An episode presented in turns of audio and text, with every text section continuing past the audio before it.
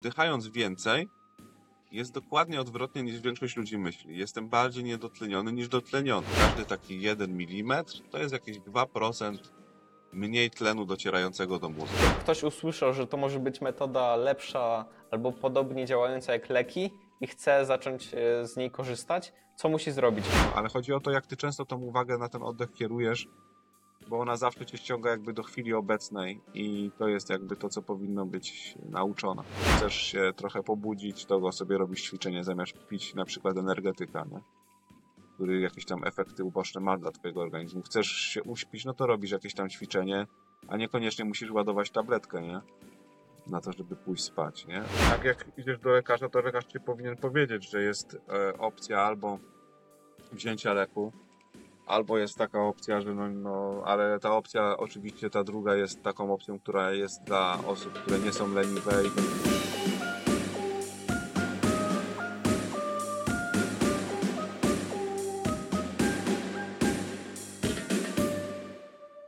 Każdy z nas oddycha, ale czy oddycha każdy prawidłowo? Właśnie o tym porozmawiam dzisiaj z moim gościem, a jest nim Maciej Szyszka, ekspert od oddychania, od oddechu i nie tylko. Cześć Maciej. Powiedz w ogóle, jak zaczęła się Twoja przygoda z oddechem, ponieważ jest to dość nietypowa dziedzina do bycia ekspertem w niej. Witam serdecznie. Eee, no jak to się zaczęło? Myślę, że nie było jakiegoś takiego, wiesz, jednego przełomowego jakby punktu, tylko ten proces trwał przez jakiś tam dłuższy czas. Eee, I gdzieś ten oddech się po prostu w moim otoczeniu cały czas przewijał, nie? Czyli powiedzmy mm, fizjoterapii, którą kończyłem, gdzieś to miało jakieś, e, jakieś e, znaczenie, może nie takie istotne jak e, w tej chwili to, mm, to używam, ale, ale jednak jakąś rolę tam to odgrywało, czy w ćwiczeniach takich fizycznych, czy w ćwiczeniach jakichś rehabilitacyjnych. Jednak ten oddech się pojawiał. Em, Potem gdzieś to się przewijało w moim otoczeniu ze względu na to, że mm, trenowałem też kung fu przez wiele lat. E, I tam ten oddech też był jakimś elementem ważnym treningu, w formie może też em, takiego qigong czyli połączenia powiedzmy ruchu z oddechem, z energią. E, Ale troszkę będąc powiedzmy w takim wieku dwudziestoparolatka, to nie jest aż takim, przynajmniej w moim wypadku, nie było w takim ścisłym kręgu moich zainteresowań, bo e, jednak ten aspekt fizyczny, który gdzieś tam w sobie miałem, on był no, dominujący i mnie bardziej interesowało to, żeby się z kimś pouderzać, czy żeby porobić takie rzeczy, y, niż te związane z oddechowe, niż, niż te oddechowe. No i tam jakoś przed tam powiedzmy trzydziestką zacząłem się tym bardziej interesować. Już jakiś taki był, jakiś, zawsze też 30 lat to też jest jakiś tam taki przełom chyba e, gdzie, gdzie jednak y, coś zaczyna się odczuwać jakieś zmiany w swoim ciele, że, że jednak człowiek trochę zwalnia tempa, w porównaniu przynajmniej do tych dwudziestu paru lat. E, I wtedy bardziej poszedłem właśnie w stronę, w stronę już oddechu, em, gdzieś, gdzieś też przez, przez myślę tym takim katalizatorem tego, to, tego co powiedzmy przyspieszyło ten proces interesowania się oddechem było na pewno zimno.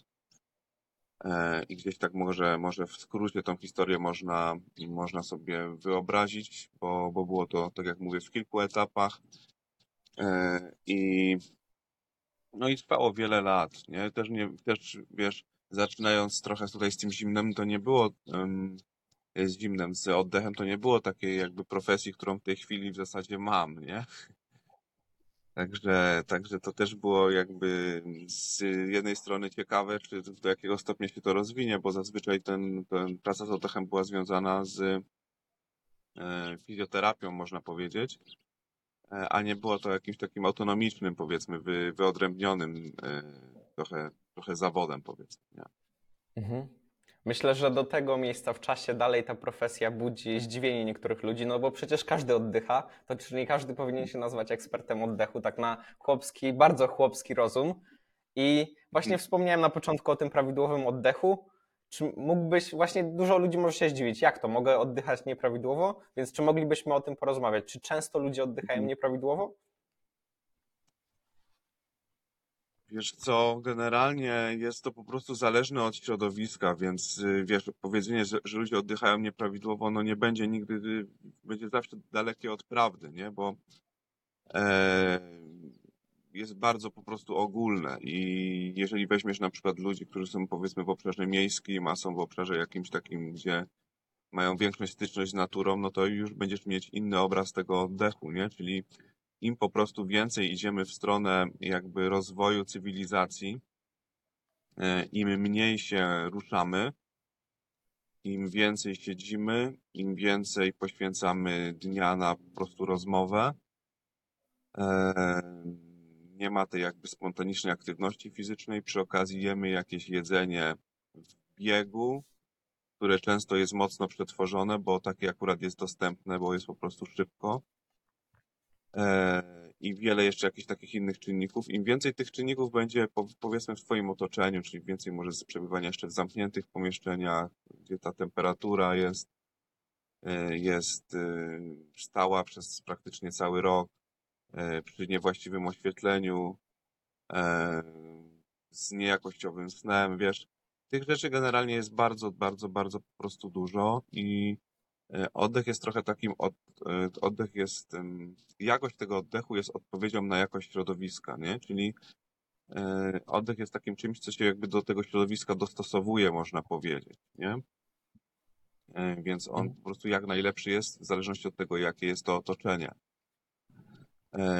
I to jest takie pytanie, które ja często akurat zadaję ludziom i się pytam, czy można oddychać lepiej lub gorzej, bo patrząc na przestrzeni lat, ten oddech się systematycznie pogarsza po prostu, nie? Więc, więc y, to jest też y, ciekawe właśnie z perspektywy osób, które się tym zaczynają interesować, nie? No bo e, jest kilka takich mitów, które gdzieś tam z tym oddechem trzeba na samym początku obalić.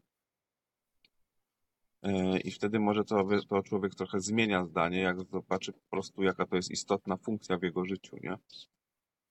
Zaraz myślę, że zajmiemy się tymi mitami, ale chcę cię jeszcze dopytać o rozmowy, bo wspomniał, wy zacząłeś wymieniać rzeczy, które negatywnie oddziałują na jakość oddechu i jedną z tych rzeczy było du, duże rozmawianie, du, mówienie dużo. Czy to pogarsza oddech? Wiesz, e, rozmawianie mm, generalnie jest w jakiś sposób oddychaniem.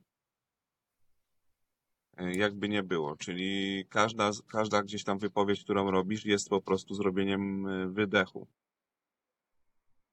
którym, po którym następuje wdech i potem dalsza forma jakby tam wypowiedzi, którą stosujesz. No i teraz wszystko zależy, no bo jeżeli jesteś osobą, która tak rozmawia, powiedzmy jak ja teraz, albo tak jak ty, no to mamy bardzo, możemy sobie jakoś tam spokojnie stworzyć przerwę, bo ja jestem jakby też osobą, która nadaje tempo tej rozmowie, nie? Po części. No ty też, ale, ale ja też trochę tempo nadaję tej rozmowie. Mm, Jeżeli prowadzi się jakieś tam szkolenie, no to w zależności od charakteru tego szkolenia można je poprowadzić tak spokojnie, jak teraz prowadzimy, albo trzeba to zrobić bardziej w formie takiej, wiesz, żywiołowej, Mm, Czy jak ktoś prowadzi audycję radiową, to sobie nie może rozmawiać tak jak ja teraz rozmawiam, bo wszyscy posną mnie po drugiej stronie odbiornika, więc, więc wtedy tempo mówienia nadaje tempo jakby oddychania też. Mm, I czy też y, w przypadku śpiewania to ma, to ma jakieś tam znaczenie, może w jakiejś dłuższej perspektywie można się nabawić jakichś problemów, y, nawet na zasadzie astmy wysiłkowej, chociaż to bym musiał się zorientować, bo trochę to tak rzucam. E, Bardziej można wtedy przyrównać taką osobę nawet intensywnie mówiącą do sportowca, który intensywnie oddycha na przykład w trakcie biegu też. Czyli na przykład mówię jakąś frazę, naciągam powietrze, mówię frazę, naciągam powietrze, żeby, żeby cały czas kontynuować i mieć równe, tempo jakby rozmowy. Czyli jak spojrzysz z tej perspektywy, no to jest ta ilość rozmów zdecydowanie większa niż była gdzieś tam wcześniej, nie? Ta komunikacja jest jakby intensywniejsza na co dzień więcej osób zdecydowanie spo, spotykamy w swoim otoczeniu niż to było kiedyś. E, Więc y, no, jest to jakby istotny element naszego życia się stała rozmowa. A rozmowa no to też, też jest jakby tutaj rytm oddechowy odpowiedni. To jest ciekawe, nie pomyślałbym, że rozmowa może wpływać na jakość oddechu, ale rzeczywiście, jak to wytłumaczyłeś, to tak jest. Teraz chciał, chciałbym Cię dopytać o te mity, o których wspomniałeś. Jakie są takie najbardziej popularne mity w sferze oddechu? Mm. Wiesz co, no generalnie taki, taki jeden z podstawowych mm, jest przekonanie takie, że jeżeli potrzebujesz się natlenić, to musisz dużo oddychać, nie? Czyli musisz wziąć ileś tam głębszych oddechów, żeby się natlenić. Y, To akurat nie jest, znaczy może inaczej, tutaj też jest pytanie, jakby, co to jest głębszy oddech oczywiście, nie? Bo to, to jest jakby też jedna rzecz, którą by jakby trzeba będzie odpowiedzieć, ale to może później. Prawda jest taka, że wzięcie tych kilku oddechów głębszych, powiedzmy, łączy się z tym, czy większych może byłoby lepiej powiedziane, łączy się z tym, że trzeba zrobić wdech, no i po każdym wdechu oczywiście musi nastąpić wydech, no bo te fazy są po prostu dwie, występują zawsze w takim pojedynczym, powiedzmy, cyklu. I z każdym takim wydechem, gdzie nabierzemy tego powietrza dużo, jesteśmy w stanie pozbyć się, powiedzmy, kilka milimetrów tego dwutlenku węgla, bo on jest tam, powiedzmy, to ciśnienie jest mierzone w milimetrach subartenci, nie?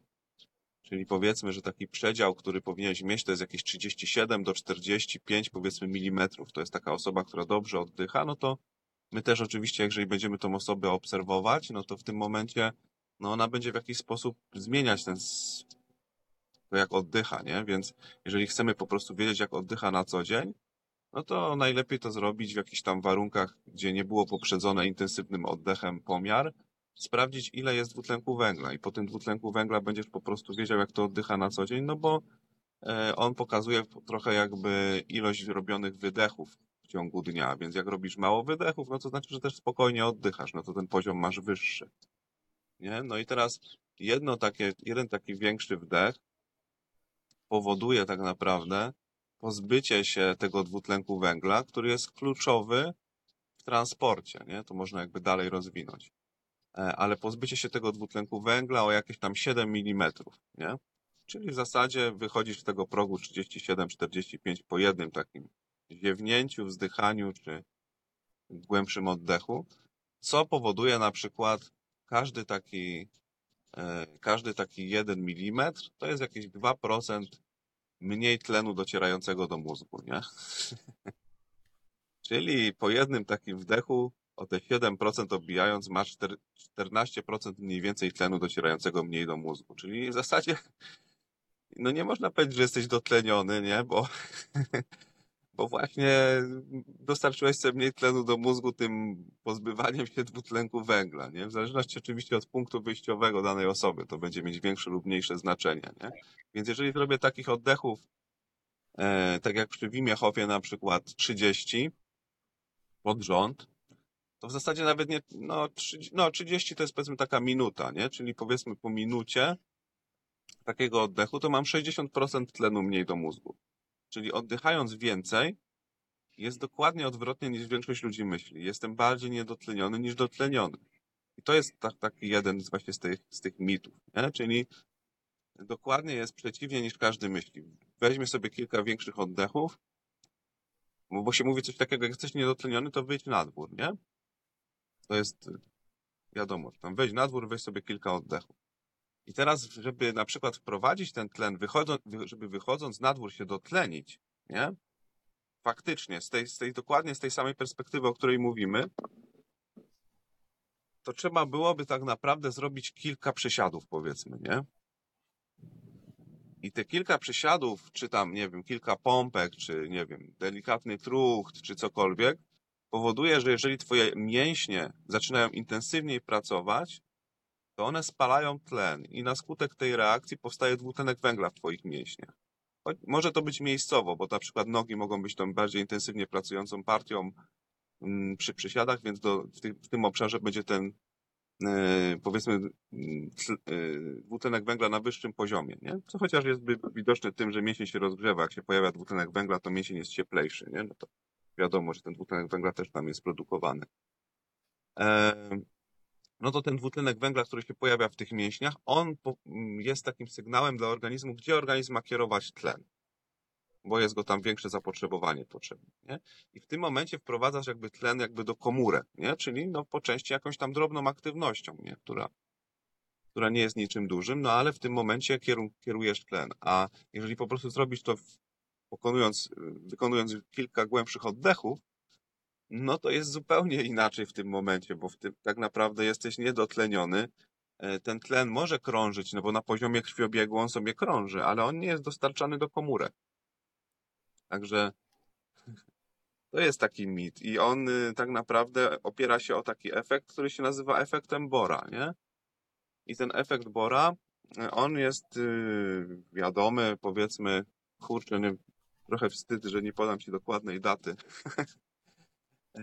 ale powiedzmy, że jest y, z 1904 czy 8 roku, nie? Czyli bardzo, bardzo dawno jakby o tym było wiadomo, a nawet jeżeli w tej chwili coś takiego powiesz, no to 90% osób, no jeżeli nie jest w ogóle za- zainteresowana tematem, to 99 albo 100% osób, no nie zna takiego prawa, nie? No bo no nie jest typowo gdzieś tam przekazywane w takiej edukacji szkolnej.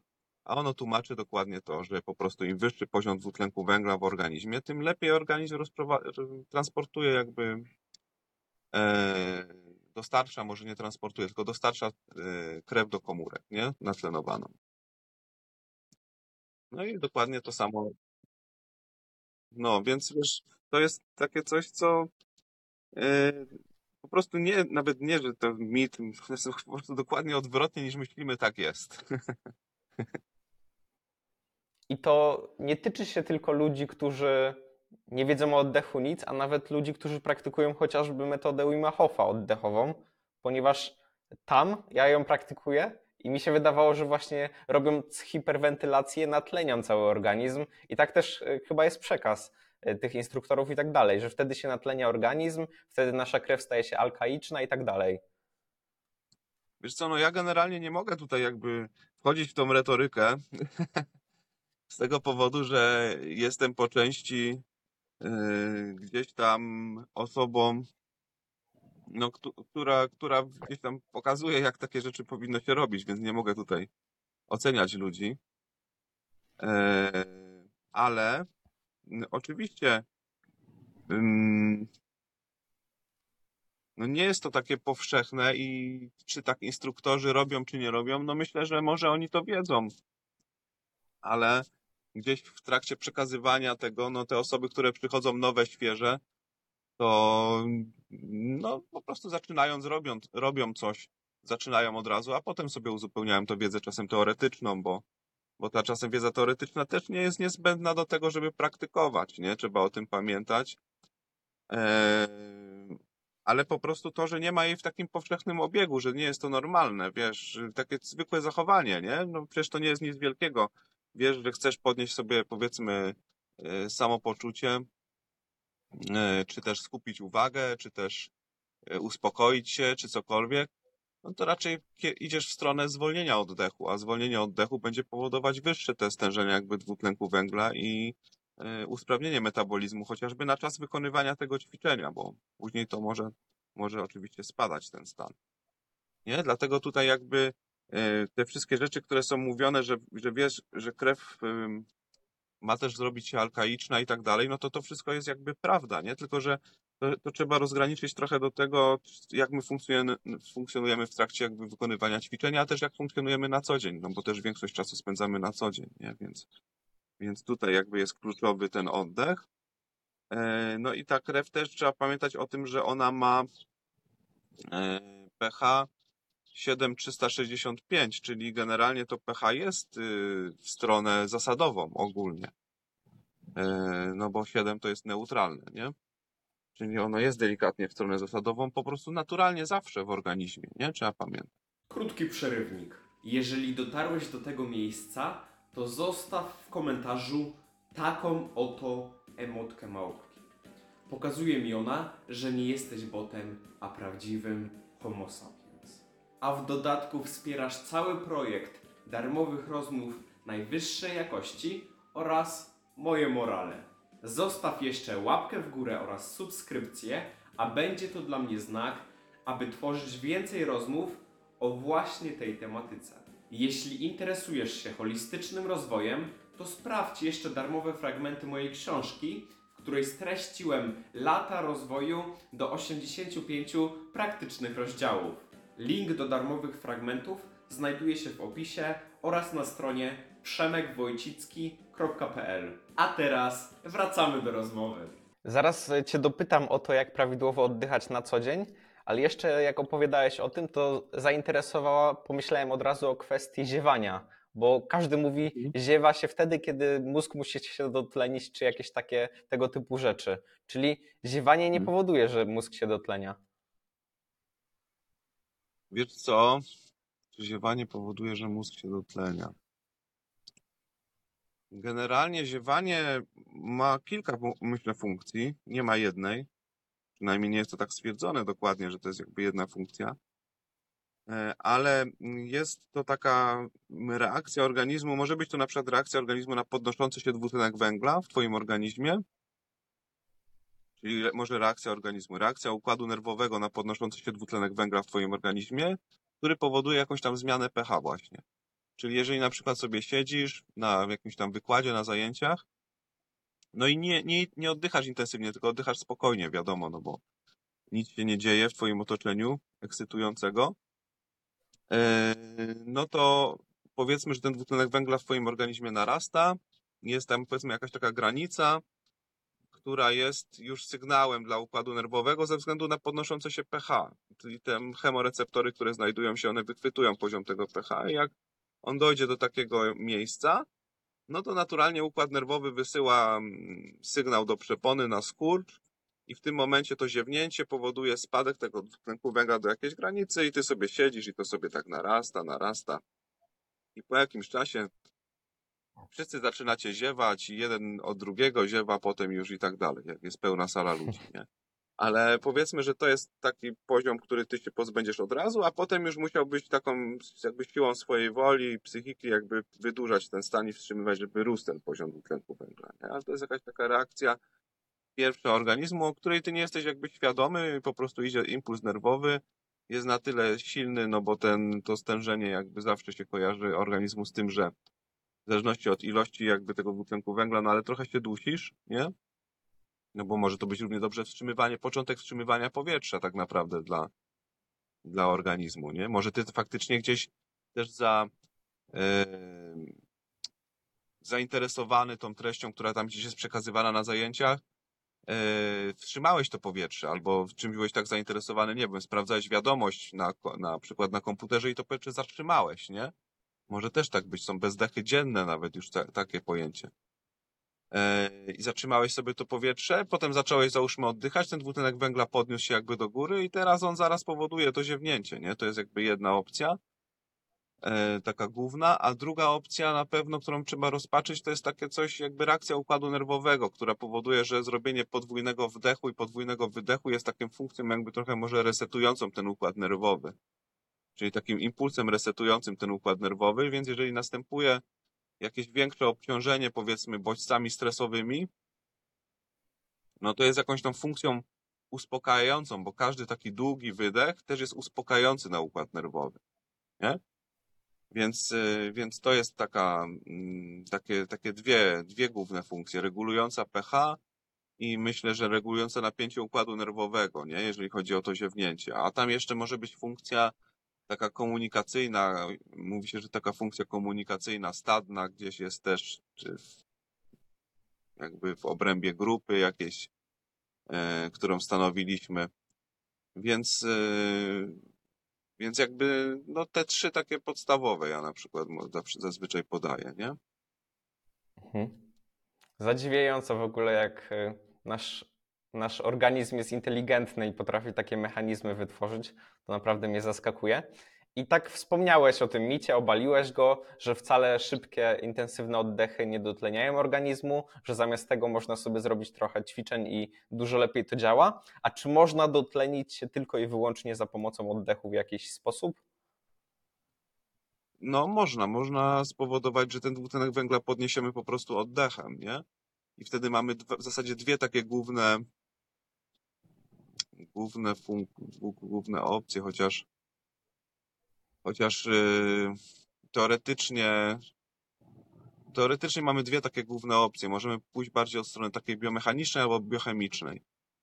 I ta powiedzmy bio, biochemiczna strona to, to będzie polegać tak bardzo ogólnie na tym, że albo będziemy zmniejszać częstotliwość, e, to się mówi objętość oddechową, czyli taki parametr, który składa się z ilości oddechów i wielkości pojedynczego oddechu. I on jest jakby mierzony w litrach. Więc, y, więc jeżeli ten parametr wpłyniemy, a możemy wpłynąć także w stosunku do tego, co oddychamy normalnie, wpłyniemy albo na wielkość tego oddechu, albo na jego ilość, albo na obydwa parametry naraz w przestrzeni minutowej, to jest jakby jedna opcja, czyli powiedzmy, jeżeli na co dzień oddychasz na przykładzie 14 litrów powietrza, to jest tak, yy, yy, przepraszam, 7 litrów powietrza to jest tak powiedzmy, jak się uznaje w badaniach za grupę kontrolną, E, Czyli to powinno mniej więcej wyjść z 14 twoich oddechów, nie? Czyli powinieneś zrobić 14 oddechów półlitrowych, to wychodzi jakby 7 litrów. Więc jeżeli zaczynasz trenować e, i w tym momencie wykonujesz oddech, który powiedzmy ma połowę tej wartości, 3,5 litra na minutę, e, no to w tym momencie będziesz natleniał organizm y, na pewno w momencie wykonywania tego ćwiczenia będzie, póki te pH krwi jakby będzie bardziej w stronę kwasową, no to to natlenienie będzie szło intensywniej tego organizmu. Nie? Jak, jak, jak wrócisz już do normalnego oddechu, no to regulujesz bardzo szybko, bo tak jak mówiliśmy, ten dwutlenek węgla w tempie jeden większy oddech, no to pozbywasz się o jakieś tam te 7 mm, więc żeby to wyrównać, e, no to możesz potrzebować na przykład 6 oddechów po tym ćwiczeniu i już jesteś w stanie mniej więcej takim jak byłeś wcześniej, nie? Tak szybko się jakby te pH wyrównuje z, kwasowego do, do tej naszej bazy. E, druga opcja, możesz po prostu też wstrzymać powietrze do zera i wtedy ten dwutlenek będzie narastał, ale on będzie narastał w takim większym piku, takim większym, mm, większym wystrzale. A jak będziesz ograniczał te powietrze, to on po prostu się podniesie i będziesz przez jakiś dłuższy czas utrzymywał podniesioną jakby jego wartość, więc też będziesz musiał się z nim jakby mierzyć tak stricte psychicznie. On będzie mniej męczący, ale będziesz musiał go przez dłuższy czas utrzymywać. Albo wstrzymujesz powietrze i po prostu on idzie już do, do po prostu momentu, gdzie ty nie jesteś w stanie jakby go utrzymać i musisz wziąć jakby wdech. E, I on wtedy ma takie jeszcze właściwości stymulacyjne wtedy do wykonania jakby to ćwiczenie ma na zasadzie takiej, że podnosi poziom erytropoetyny, która stymuluje czerwony szpik kostny do produkcji ciałek krwi, no i wtedy na przykład masz, tam możesz podnieść e, do 5% ilość tych czerwonych ciałek krwi w swoim jakby organizmie, więc teoretycznie pytanie było jakby o natlenienie, ale w sumie jeżeli podniesiesz o 5% poziom czerwonych ciałek krwi, no to też lepszy jest ten transport, transport tlenu. E, To jest trochę taki mechanizm jak adaptacja do wysokości, no on też następuje w momencie wstrzymywania jakby powietrza. Więc od strony biochemicznej, no to w ten sposób to, to robisz, to natlenienie poprawiasz, a od strony takiej biomechanicznej, to sprawniejsza praca mięśni oddechowych powoduje na przykład ściąganie mm, krwi w taki obszar płuc, w którym jest lepsze ukrwienie, większa ilość naczyń krwionośnych. Więc w konsekwencji, jeżeli tam się znajdzie powietrze, w tej, tam gdzie znajduje się większa ilość naczyń krwionośnych, to ten transport tlenu jest sprawniejszy. I różnica jest mniej więcej taka, że możesz zmniejszyć wtedy sobie częstotliwość oddechu jakieś 20%, powiedzmy, a, na, a transport tlenu uzyskiwać o jakieś 20% więcej. Przy mniejszej częstotliwości jakby oddechu, więc to powoduje, że im mniejsza częstotliwość oddechu, tym oczywiście mniejsze zmęczenie, bo każdy skurcz mięśnia no to wysiłek dla układu nerwowego. On też potrzebuje potem się zregenerować, co będzie widoczne jakby w trakcie całego snu, nie? E, A oczywiście ściągnięcie tej, tej, tej, tej krwi w dół, no i dostarczenie sobie o te 20% więcej, więcej e, tlenu przy niepozbywaniu się dwutlenku węgla, co jest istotne, bo, bo nam zależy tutaj o, o odpowiedniej jakby bilansie, nie? Czyli jak mamy poziom dwutlenku węgla na wyższym poziomie i dostarczymy sobie tlenu, no to, to super rozprowadzimy ten tlen, bo mamy ten rozprowadzacz w cudzysłowie, nie, nie fachowo powiedzmy, w postaci tego dwutlenku węgla, więc w tym momencie dopiero ten proces następuje pełną parą, powiedzmy. Nie? Czyli uspokoić oddech, podnieść jakby sobie ten dwutlenek węgla. To jest y, kluczowe to, co powinniśmy robić, a co w tym naszym życiu codziennym właśnie wychodzi dokładnie odwrotnie, nie? To jest dość e, e, kontrintuicyjne, że jednak musimy oddychać mniej, żeby bardziej się dotlenić. I pewnie, pewnie, niepewnie podobnie jest z tym prawidłowym oddechem, że są tam rzeczy, których ludzie się nie spodziewają. Więc czy, czy moglibyśmy już przejść do tego tematu, czy może jeszcze myślisz o jakimś Je- Jeszcze ci micie, powiem który jedną rzecz. Jeszcze jedną ci, Mhm. ci rzecz powiem, bo to też jest takie obrazowe, nie? Bo im więcej myślę takich rzeczy, bo ja, ja tak trochę może długo mówię, ale staram się nie zgubić wątku. E, ale e, w przypadku też kontintuicyjne, nie? W przypadku Mhm. sytuacji, gdzie masz atak na przykład i no i w zasadzie intensywnie, coraz intensy- intensywniejszy oddech powoduje e, coraz intensywniejszą reakcję stresową i zamknięcie światła jakby naczyń e, przewodów oddechowych, nie dróg oddechowych. Więc e, jeżeli ty na przykład dusisz się, no to każdy jakby widział taką sytuację, myślę, gdzie gdzieś tam na przykład na filmie podawano torebkę papierową, nie? I przez tą torebkę papierową się oddychało. Czyli ty się dusisz, a dostajesz papierową torebkę do oddychania, która jest jakby ograniczeniem teoretycznie e, możliwości przepływu tego powietrza, nie? No i to jest dokładnie kolejny jakiś tam przykład pokazujący ten efekt jakby tego, że ty zaczynasz oddychać po kilku oddechach swoim jakby powietrzem, w którym jest coraz większa ilość dwutlenku węgla i ten dwutlenek węgla nie wydobywa się przez tą torebkę tak szybko. Pewnie by się tam jakoś przedostał, ale, ale nie wydobywa się tak szybko, że z każdym następnym oddechem go po prostu wciągasz i to powoduje uspokojenie organizmu.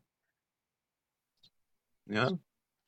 Także To jest no, też- to jest generalnie ciekawe, ale, ale no e, ale gdzieś w którymś momencie tego naszego jakby rozwoju e, ta informacja została jakby przekazana ogólnie do świadomości jakby ludzi, ale no nie, sta, nie została, mm, nie przebiła się jakoś do, do takiej powszechnej wiedzy.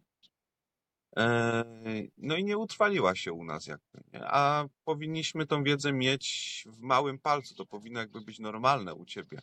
To o czym ja mówię. Że nie zaskakujące, tylko powinno być normalne, bo jest takim, powiedziałbym, kluczowym elementem do obsługi własnego organizmu, nie? To tak jakby ci ktoś, kurczę, nie powiedział podstawowej funkcji. E, w jakiejś, wiesz, w twoim telefonie, nie? No tak, rodzimy się i od razu oddychamy. Oddech towarzyszy nam na każdym kroku życia, więc rzeczywiście jest to bardzo ważne. I tak teraz sobie też pomyślałem o stanie walki lub ucieczki.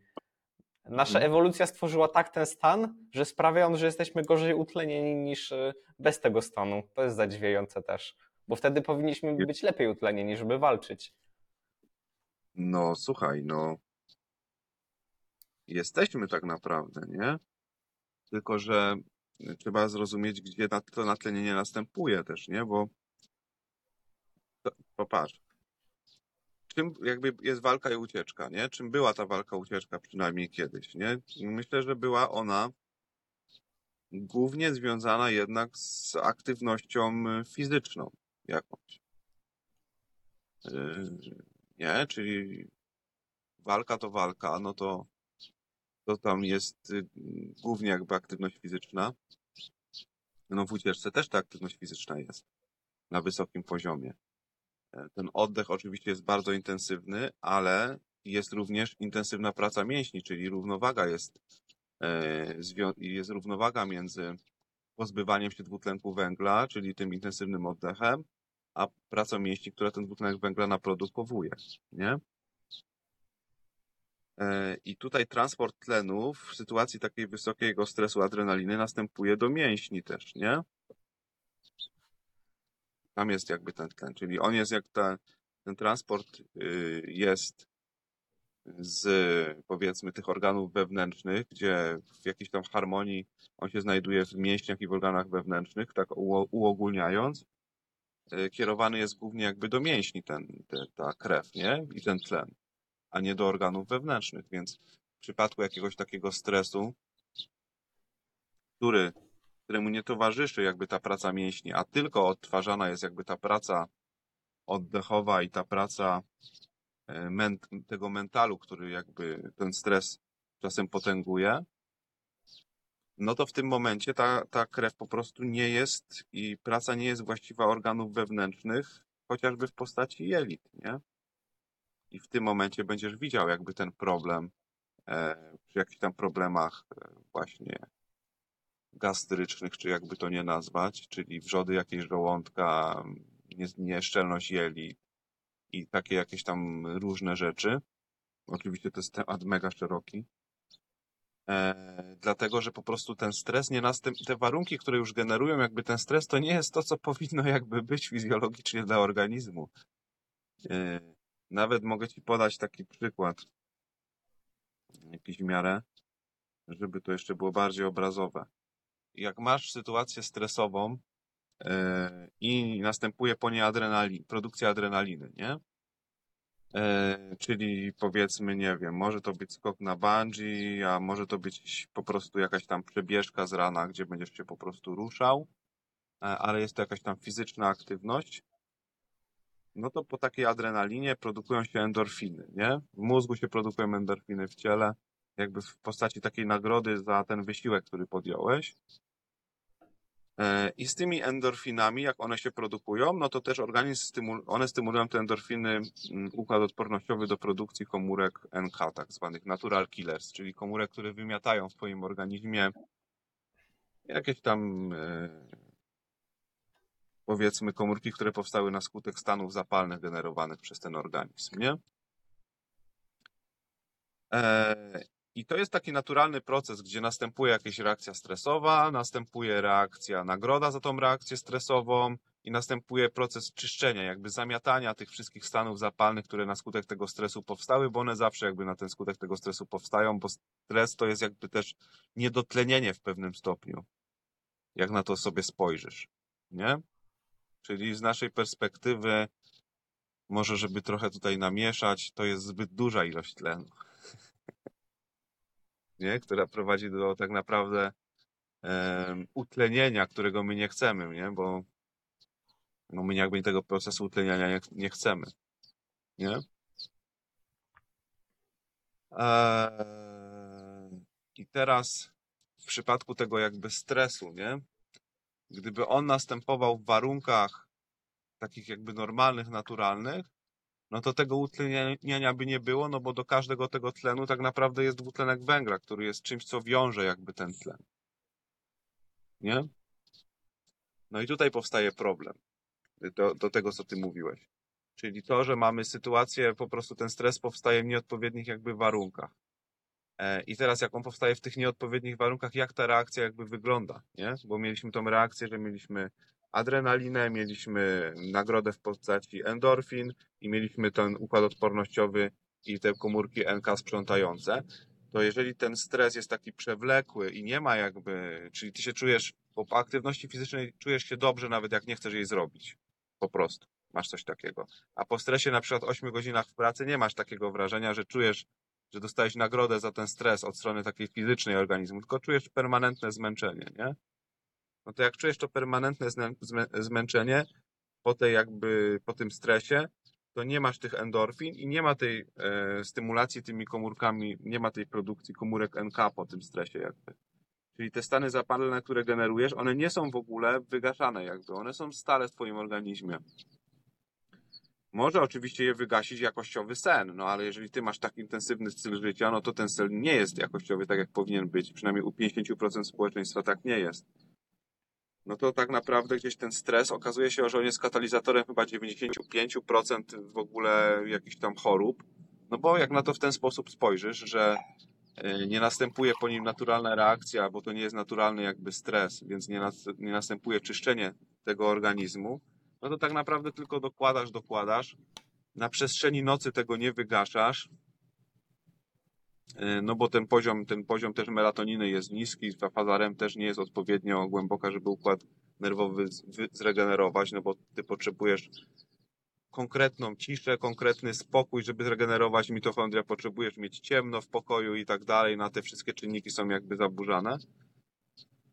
No to ten stres, tak że tak powiem, zmierzając do tego twojego pytania, nie? Ten stres jakby no tutaj troszkę inaczej trzeba rozpatrywać, bo czym innym on był kiedyś, a czym innym jakby jest teraz. E, I organizm też inaczej jakby reaguje, nie? Czyli aktywność fizyczna może być tym, co ci w tym stresie jakby też pomaga, bo, bo będzie produkować te komórki jak BNK, dlatego dobrze robić sobie jakiś tam sport, nie? W ograniczonym jakimś też nie musisz i znowu nie zażynać się na tym sporcie, bo wtedy generujesz tą ilość stanów zapalną też bardzo dużą. Tylko tak robić, żeby po prostu być sprawnym, żeby się ruszać, żeby utrzymywać odpowiedni poziom hormonów przez to i tak dalej, nie? Ta wiedza Trochę jest zawinę, naprawdę ważna, bo zawinę, ale wiesz, ale no też czasem trzeba taki kontekst podać jakby do takiego pytania. Mhm. Bo teraz na przykład dzięki temu, że mam tą wiedzę, wiem, że jeżeli będę się stresował przed wejściem na scenę, czy jakąś tremę będę odczuwał, no to mogę wykonać trochę ćwiczeń i to powinno się wyrównać. Więc to jest taka, takie już przerzucenie tej teorii na praktykę, że naprawdę ta wiedza No, jest muszę, warta muszę posiadania. się tutaj zmartwić, muszę się tu zmartwić trochę, nie? Na praktykę to jeszcze to, na praktykę to jeszcze się to nie przekłada, to na razie jest teoria, nie? Bo praktyka jest taka, że o ile ty możesz jakiś wpłynąć na ten autonomiczny układ nerwowy i tym, z tym stresem w jakiś sposób e, go ogarnąć, nie? To, to nie działa tak, że ty jesteś od strony fizjologicznej w stanie to zrobić, czyli że ty jesteś w stanie zatrzymać autonomiczny układ nerwowy i na przykład powstrzymać procesy produkcji e, adrenaliny, nie? Na skutek tego, że ty masz świadomość tego, że ta adrenalina się produkuje, nie?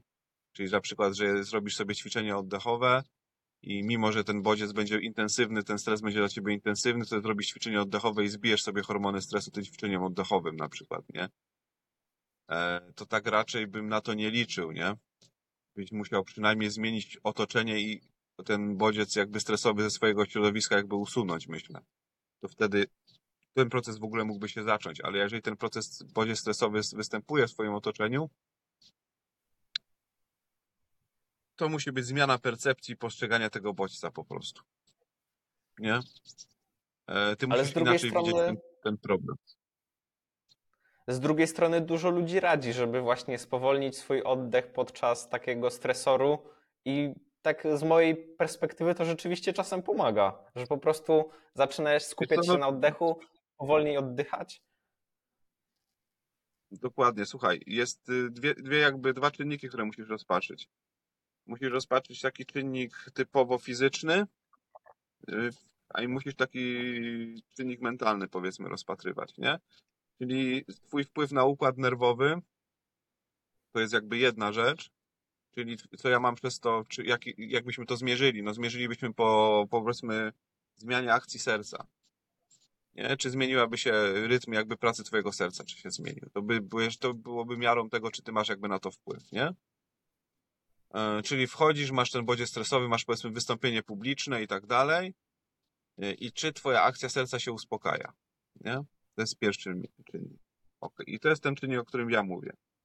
A drugi czynnik byśmy zmierzyli na przykład przepływem fal mózgowych.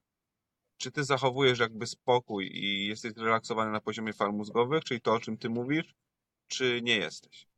Nie? Czyli są dwa różne jakby parametry, o których my mówimy. To, że ty czujesz jakby spokój mentalny w głowie, to jest jakby jeden parametr, a to, czy ty czujesz, czy twoje serce pracuje spokojnie, czy tętno jest podniesione, to jest jakby drugi parametr. Nie? I Czyli- ten parametr, o którym mówię, praca serca, według mnie będzie dużo trudniejszy do skontrolowania dla ciebie, a ten parametr, jeżeli chodzi o, o te fale, nawet może być łatwiejszy. Bo generalnie, wiesz, jeżeli na przykład badasz Wima Hofa, no to on pokazuje, że te rzeczy, o których ty mówisz, jakby są możliwe, nie? Ale też nie wiesz na przykład, bo on był też przebadany powiedzmy po 30 latach praktyki. I ty też nie wiesz, yy, bo te osoby, które później jakby były badane i tam że było mówione, że one wykonały tam te 10 dni jakby szkolenia i po tym szkoleniu tam yy, uzyskały jakby te efekty, które uzyskuje jakby WIM, no to to nie jest jakby adekwatne do tych pomiarów, które Wim miał robione, bo on miał robione pomiary na przykład, wiesz, fal mózgowych i takich rzeczy, oni, oni tak nie mieli, nie? Więc y, to jest zupełnie jakby inna bajka, więc y, jest to możliwe, ale myślę, że to wymaga wieloletniej jakby praktyki tworzenia nowych połączeń tak naprawdę mózgowych, czyli nowych reakcji. Na zasadzie wchodzisz do zimnej wody i wyobrażasz sobie, że to są tropiki, powiedzmy, i robisz to przez wiele lat i powstają nowe połączenia w twoim mózgu, a nie na zasadzie takiej, że wejdziesz do tej wody, mm, ktoś będzie miał mental taki, że będzie, wiesz, odczuwał jakby mega, mega ten bodziec, załóżmy, i, i on sobie nie będzie w stanie wytłumaczyć, że jest inaczej niż on czuje, nie? Od razu na pierwszy, na pierwszy kontakt, nie? To są jakby lata, lata, lata i się jakby zmienia ta reakcja organizmu, zmienia się aż do jakichś tam powiedzmy ekstremalnych e, takich, takich stadiów, nie? Oddech oczywiście spowoduje to, że twa, ta twoja reakcja układu nerwowego na ten dany bodziec będzie słabsza, nie?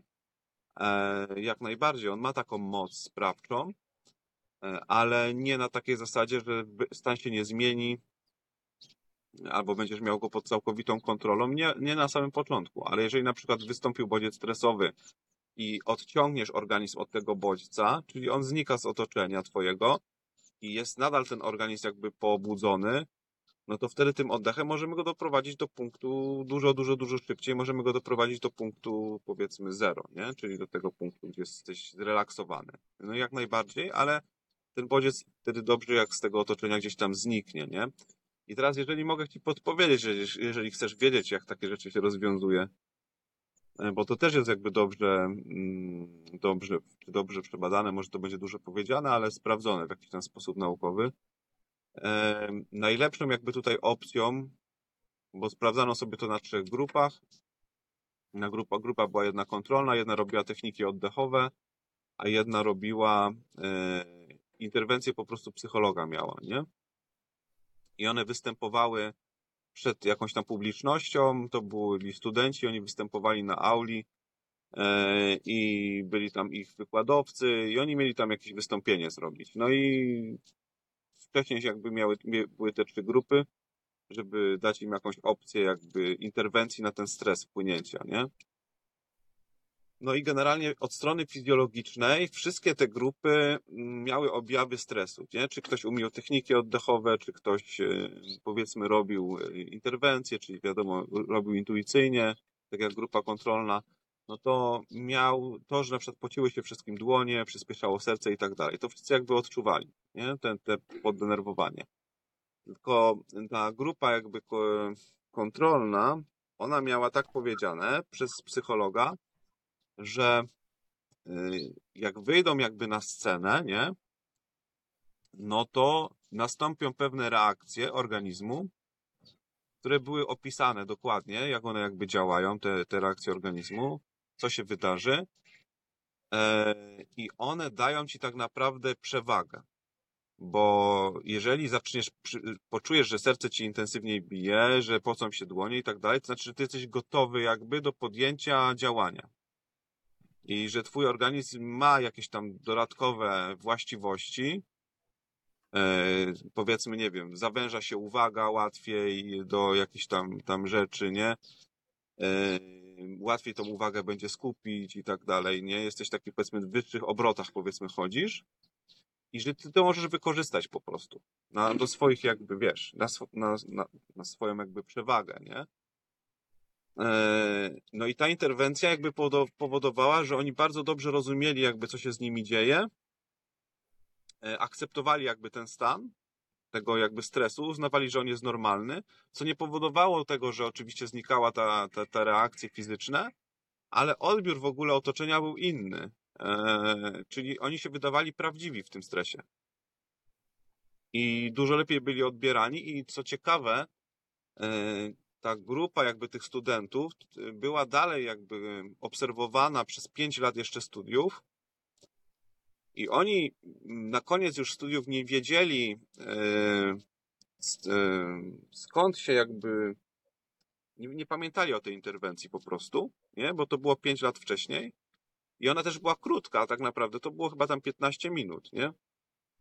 Ale mieli o jeden punkt jakby czyli o jeden stopień wyższe oceny niż pozostali uczniowie. Że nauczyło ich to jakby podchodzenia do tego stresu już na każdym innym egzaminie, nie? Takie jakby wywarło na nich to wpływ, że na każdym innym egzaminie oni już mieli odpowiednie podejście i mieli o jedną aż stopień wyższe oceny. Zmiana Więc percepcji naprawdę. Tak? Tak, zmiana percepcji i ona może potem doprowadzić oczywiście do tych zmian pracy tej, e, tego autonomicznego układu nerwowego, ale e, raczej ta zmiana percepcji jest łatwiej i szybciej zrobić. Czyli to, co jednak e, twoja świadomość jest w stanie zrobić i na co, na, jak ty ukierunkujesz uwagę i na co ukierunkujesz uwagę, jest dużo łatwiejsze. I za tym mogą, jakby tam, gdzie kierujesz uwagę, tam też kierujesz energię, więc więc potem ta energia może pójść i wywołać te dalsze jakby też zmiany, nie? W organizmie. Też często jedną z rad dla mówców różnego rodzaju jest to, żeby traktować, żeby te symptomy ciała, które są typowe dla stresu, odczytywać jako ekscytacja, bo są bardzo podobne e, symptomy organizmu, wręcz takie same, więc właśnie podobne to jest do tego, o czym ty mówisz. Czyli nie traktować stresu jako coś negatywnego, a jako coś właśnie pozytywnego, taką ekscytację, że chcesz to naprawdę zrobić. Więc to jest naprawdę dobre. Rozmawiamy już 50 minut. Zacząłem wstępem o prawidłowym oddechu, a dalej nie, nie zaczęliśmy rozmawiać, jak prawidłowo oddychać, więc myślę, że to jest dobry Mhm. czas, żeby do tego przejść. Mhm, Okej. Wiesz co, no generalnie tak jak już mówiliśmy, zawsze będziemy dążyć do tego, żeby oddychać jak najmniej. Czyli już mamy jakby odpowiedź na pytanie, e, czy można oddychać lepiej albo gorzej. No, im mniej oddychasz, na pewno tym oddychasz lepiej. Jest takie powiedzenie, że im mniej oddychasz, tym dłużej, dłużej po prostu żyjesz i, i ma to bardzo duży sens. E, W sensie objętości litrów na minutę, czy w sensie ilości oddechów mniej? Wiesz co, no zawsze, zawsze jakby, jak będziemy chcieli być bardziej dokładni, no to będziemy podawać tym, e, tą objętością oddechową, czyli tymi litrami na minutę. E, ale powiedzmy, że mm, już nawet e, w takiej tradycji chińskiej, czyli dużo, dużo starszej od naszej, e, mówiono o ilości oddechów po prostu, e, które, które gdzieś tam w życiu robisz, nie? Że ona de determinuje jakby twoją długość życia i że masz ograniczoną ich ilość. E, tak do tego podchodzili i zmniejszenie ilości oddechu było jedną z takich terapeutycznych e, tak zaleceń lekarskich, nie? W pierwszym kontakcie powiedzmy. Więc to jest, e, to jest mega ciekawe i tak w sumie powinno według mnie być. Em, I oczywiście może to być taka ta technika twoja oddechu, która powoduje ten oddech spłycony, szybki i tak dalej, będzie związana z pracą odpowiednich mięśni, które też będzie mieć jakieś negatywne skutki zdrowotne na twój organizm. Czyli jeżeli będziesz używał mięśni takich, które są w tych e, stresowych sytuacjach używane, e, a nie będziesz używał mięśni oddechowych, no to dodatkowo będziesz męczył mięśnie, które e, są na przykład odpowiadają za pracę powiedzmy obręczy barkowej, czy też za ruchy głową, bo unoszą klatkę piersiową do góry przy oddechu, ale też odpowiadają na przykład za ruchy głową, nie? Y, Mięśnie, więc będzie gdzieś tam to, te mięśnie będą dodatkowo obciążone, więc będziesz czuł większe zmęczenie, będziesz czuł e, napięcie w obrębie tutaj, powiedzmy tego czworobocznego mięśnia, tego kaptura tutaj, albo tego moskowo-obojczykowo-sutkowego, czyli takich mięśniach, które są bezpośrednio połączone tak naprawdę z mózgiem, czy może nie z mózgiem, ale są e, takimi czaszkowymi nerwami połączone. I e, one będą mieć bardzo duży wpływ na układ nerwowy, na pracę układu nerwowego. Czyli jeżeli nie będą, będą napięte, to praca układu nerwowego też będzie jakby zwiększona, powiedzmy. E, więc aktywujemy nie te mięśnie, a powinniśmy aktywować mięśnie w obrębie jakby tutaj przepony, nie? Czyli tak, aspekt taki fizyczny będzie jakby tutaj związany. Oczywiście będzie aspekt y, taki związany z tym dwutlenkiem węgla, jeżeli chodzi o niewłaściwy oddech, czyli te niedotlenienie, które, które jest na skutek zaburzenia tej ró- równowagi kwasowo-zasadowej. To jest jakby kolejny aspekt. E, Taki psychiczny aspekt, czyli mm, aktywacja jakby tego współczul, e, współczulnego układu nerwowego przez ten oddech intensywniejszy, no bo on ma jakieś skojarzenie dla naszego organizmu, czyli kojarzy się z jakimś wysiłkiem e, też. i kosztuje układ nerwowy większej ilości, większą ilość impulsów, no bo większą częstotliwość pobudzania tego mięśnia. Będzie powodował i zmęczenie, i będzie powodował takie stany też psychiczne na poziomie jakby naszego mózgu, czyli możemy odczuwać powiedzmy, e, możemy mieć słabsze działanie układu odpornościowego, na przykład. No bo możemy wciągać patogen przez usta i on będzie ten organizm musiał cały czas z nim walczyć, albo przez nos chociażby. Jeszcze do tej intensywności jakby, którą tutaj mamy. E, będzie po prostu słabsza praca, praca układu odpornościowego, może być słabsze e, zapamiętywanie, nie? Może być słabsze, może potem być spadek il, ilorazu inteligencji. Też jakby kolejna rzecz, która jest z oddechem związana. Z Dalej, powodu niedotlenienia. E, z powodu przebywania w reakcji walki ucieczki bardziej niż w reakcji e, bezpieczeństwa. Czyli co tutaj mam na myśli, nie? Czyli na przykład nie wiem, nie wiem jakby czy to jest okej, jak sprawdzano na, załóżmy na ludzi, któ- którzy wykonują jakieś operacje, nie? Czy pielęgniarkach, czy chirurgach, którzy mm, mieli intensyw, większą intensywność oddechu, dlatego że mieli zakrytą twarz przez maskę, nie?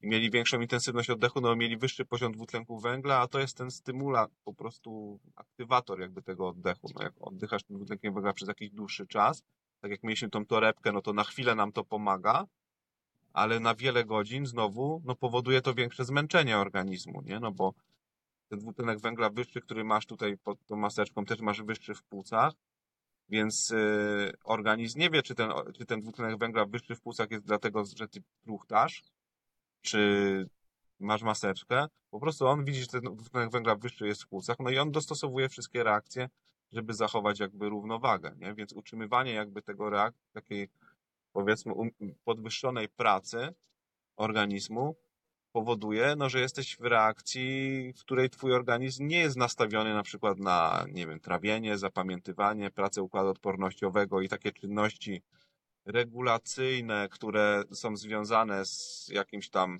tym, że ty jesteś w strefie bezpiecznej, więc możesz regenerować się, uczyć się, trawić i tak dalej, tylko cały czas jesteś w takiej strefie, powiedzmy, walki, która nie jest ewidentną walką dla ciebie, ale dla twojego organizmu już jest w jakimś procencie, bo to nie jest tylko przełącznik 0,1,0,1, tylko jakieś tam jest spektrum, powiedzmy, szersze y, działania jakby tej reakcji. Czyli może ona być taka, że goni cię pitbull, a może być taka reakcja, że masz stres przed pójściem do pracy, bo spotkasz kogoś, kogo nie, nie chcesz spotkać, powiedzmy, nie? Więc jakby to też trzeba, trzeba rozgraniczyć. Więc zobacz, już tak jak, sobie, tak jak wymieniłem na, powiedzmy tak od razu tobie, nie? Ile jest opcji tutaj związanych z tym niewłaściwym oddychaniem. Jeszcze kolejna rzecz, co mi teraz przyszła do głowy. To jest zmiana struktury w ogóle twarzoczaszki, zmiana struktury żuchwy, czyli e, zmiana struktury podniebienia, zmiana układu języka. E, Kolejna jakby rzecz, które, które, która mi tutaj przyszła do głowy, nie? Więc Czyli e, jak no, rozumiem, dużo, dużo Jak rozumiem, ty patrząc na człowieka możesz powiedzieć czasami, że źle oddycha, tak? Jeżeli jego żuchwa jest do tyłu y, bardziej ustawiona, tak?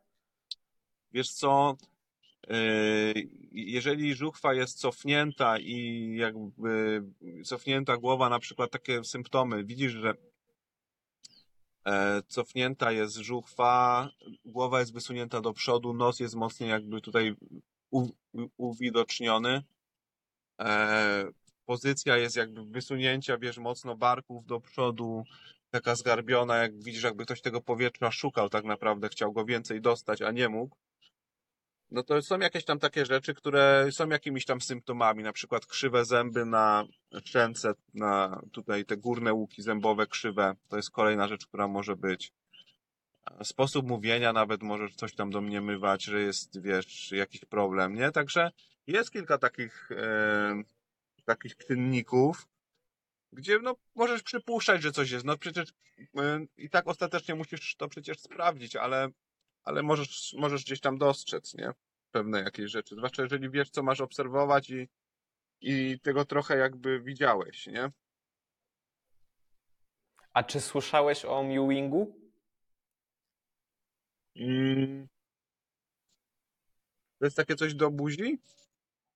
Mewing Czy to jest co? technika trzymania języka w fazie spoczynku, tak żeby znajdował się na podniebieniu i to ma Okej. właśnie propagować prawidłowy oddech poprzez oddychanie nosem w ten sposób, że blokujesz sobie możliwość oddychania ustami.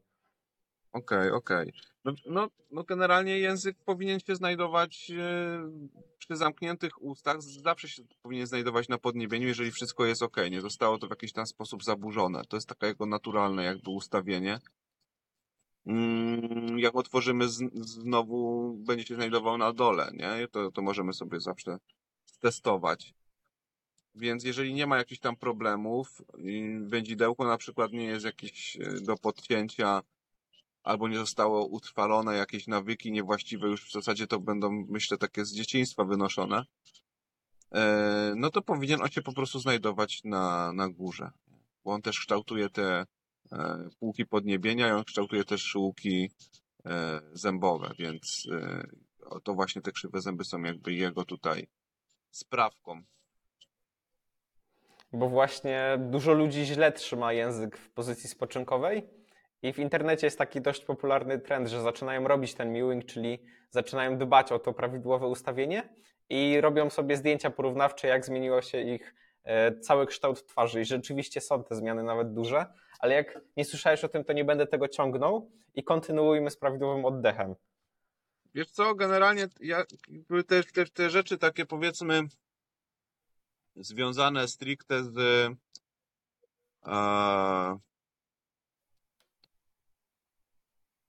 tą zmianą powiedzmy tej twarzoczaszki, to są takie rzeczy, które już e, są też logopedyczne, są też ortodontyczne.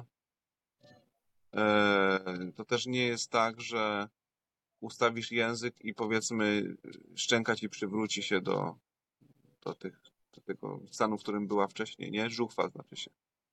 I takie rzeczy. Więc to wszystko zależy w jakim jesteś stanie jakby, nie?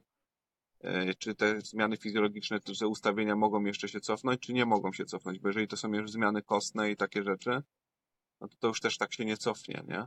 Więc no to już jest kwestia, to trzeba było dokładnie porozmawiać, jakie są to przypadki i jak to wygląda, nie? Bo wtedy można to określić, ile to trwa, taki, taki stan i tak dalej, nie? Bo to też Tak, nie, tak, nie jest tak, że oczywiście, ustawisz język, ustawisz język i ci się wyprostują, powiedzmy, zęby, nie? Które już są krzywe. E, Albo na przykład żuchwa ci wróci do normalnej wielkości, nie? Bo ona będzie wymagać, myślę, może wymagać łamania i, i poszerzania na przykład. Chociaż u dzieci jest to jeszcze bardziej plastyczne wszystko, więc są takie przypadki możliwe. Oczywiście każdy jest inny i to jest personalna sprawa, czy u niego to zadziała, czy nie. Po prostu jest taka praktyka mewing, tam ortodonta właśnie ją wymyślił i teraz ją propaguje dość Tak, mocno jako to- e, substytut e, aparatu na zęby. Ale ja wiem, no, o co chodzi myślę, że- generalnie. Ja wiem, o, jak już ten doktor Miłów, ja wiem, o co w nim jakby z nim chodzi. I jakby to on robi świetne rzeczy. On robi też aparaty ortodontyczne i takie rzeczy. Ale to jest kwestia trafienia w odpowiedni wiek. Ja też miałem na przykład takie rzeczy, że przez ustawienie e, jakby się to naprawiało, ale to jest kwestia bardzo trafienia w okres jakby wzrostu też myślę i do 18 roku życia takie rzeczy są możliwe, a powyżej 18 roku życia staje się to oczywiście już coraz mniej prawdopodobne, nie? Więc to jest kwestia tego, w którym ty się momencie zorientujesz, że jest jakby też problem. E, A w tej chwili jakby dzieci są, mają bardzo duży problem też. Tak, definitywnie tak jest. I właśnie wróćmy teraz do, do, do tej prawidłow, prawidłowego oddechu. I tak mamy już tą intensywność, ma być jak najmniejsza. I co dalej łączy się z prawidłowym oddechem?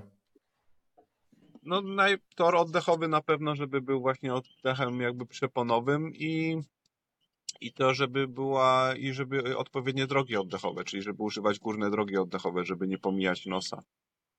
E, I to są myślę takie najważniejsze jakby, najważniejsze rzeczy, nie? Tutaj. Mhm. I tak właśnie często się słyszy teraz e, wśród tych ludzi zainteresowanych zdrowiem, żeby oddychać nosem, A czy kiedykolwiek warto oddychać ustami? Bo już nawet słyszę, że podczas sportu lepiej oddychać nosem. Myślę, że nie, że nie są, że jedynie w takim sporcie gdzieś tam zawodowym, gdzie chodzi o osiągnięcie jakiegoś tam może wyniku i te usta będą takim czynnikiem, który no gdzieś będzie regulował nam ten poziom e, biochemiczny, ale, ale oczywiście będzie to takie bardziej w formie narzędzia, a nie odpalonego jakby na stałe mechanizmu. No to ma to jakieś jakby dla mnie rację bytu, ale w sporcie amatorskim i w życiu codziennym to absolutnie to nie widzę jakby takiego, takiego sensu, takiego zastosowania. Bo tak na przykład e, byłem kilka razy na jodze i tam często e, instruktorki mówią, żeby oddychać i brać wdech nosem, a wypuszczać ustami. Czy to ma jakieś uzasadnienie? Wiesz co, no jak będziesz wypuszczał powietrze ustami, to zawsze pozbywasz się więcej dwutlenku węgla, więc jest to jakiś taki czynnik, który ci przys, przy, yy, przys, yy, przyspiesza możliwość wyregulowania biochemicznego, nie? Czyli pozbycia się tego dwutlenku węgla i utrzymywania tej równowagi. Czyli jak masz aktywność fizyczną, no to twoje mięśnie produkują ten dwutlenek węgla i jest taki moment, od którego ci się go po prostu trudno pozbywa po prostu nosem, no bo on ma ograniczoną średnicę też i mniej powietrza też. Część powietrza zostaje jakby w jamie nosowej, nie wylatuje jakby wszystko. Yy, Więc yy, jest to tak, że pozbędziesz się go szybciej przez usta, więc w trakcie jakiejś intensywniejszej aktywności fizycznej e, może to być łatwiejsza regulacja, czyli zrobienie takich nie wiem, dwóch wydechów, trzech przez usta na przykład umożliwi Ci łatwiejsze powrócenie do jakiegoś rytmu. E, ale czy ma to jakby sens? e, Ma to też sens o, w innej jeszcze sytuacji, jak na przykład podnosisz ciężar jakiś duży do góry i chcesz to powietrze wypuścić bardzo szybko, bo zależy ci na czasie. I musisz złapać na przykład całą strukturę swoją pod tym ciężarem i chcesz to zrobić szybko, intensywnie, wypuścić całość tego powietrza. To jest kolejna rzecz, nie? Czyli ta szybkość powietrza.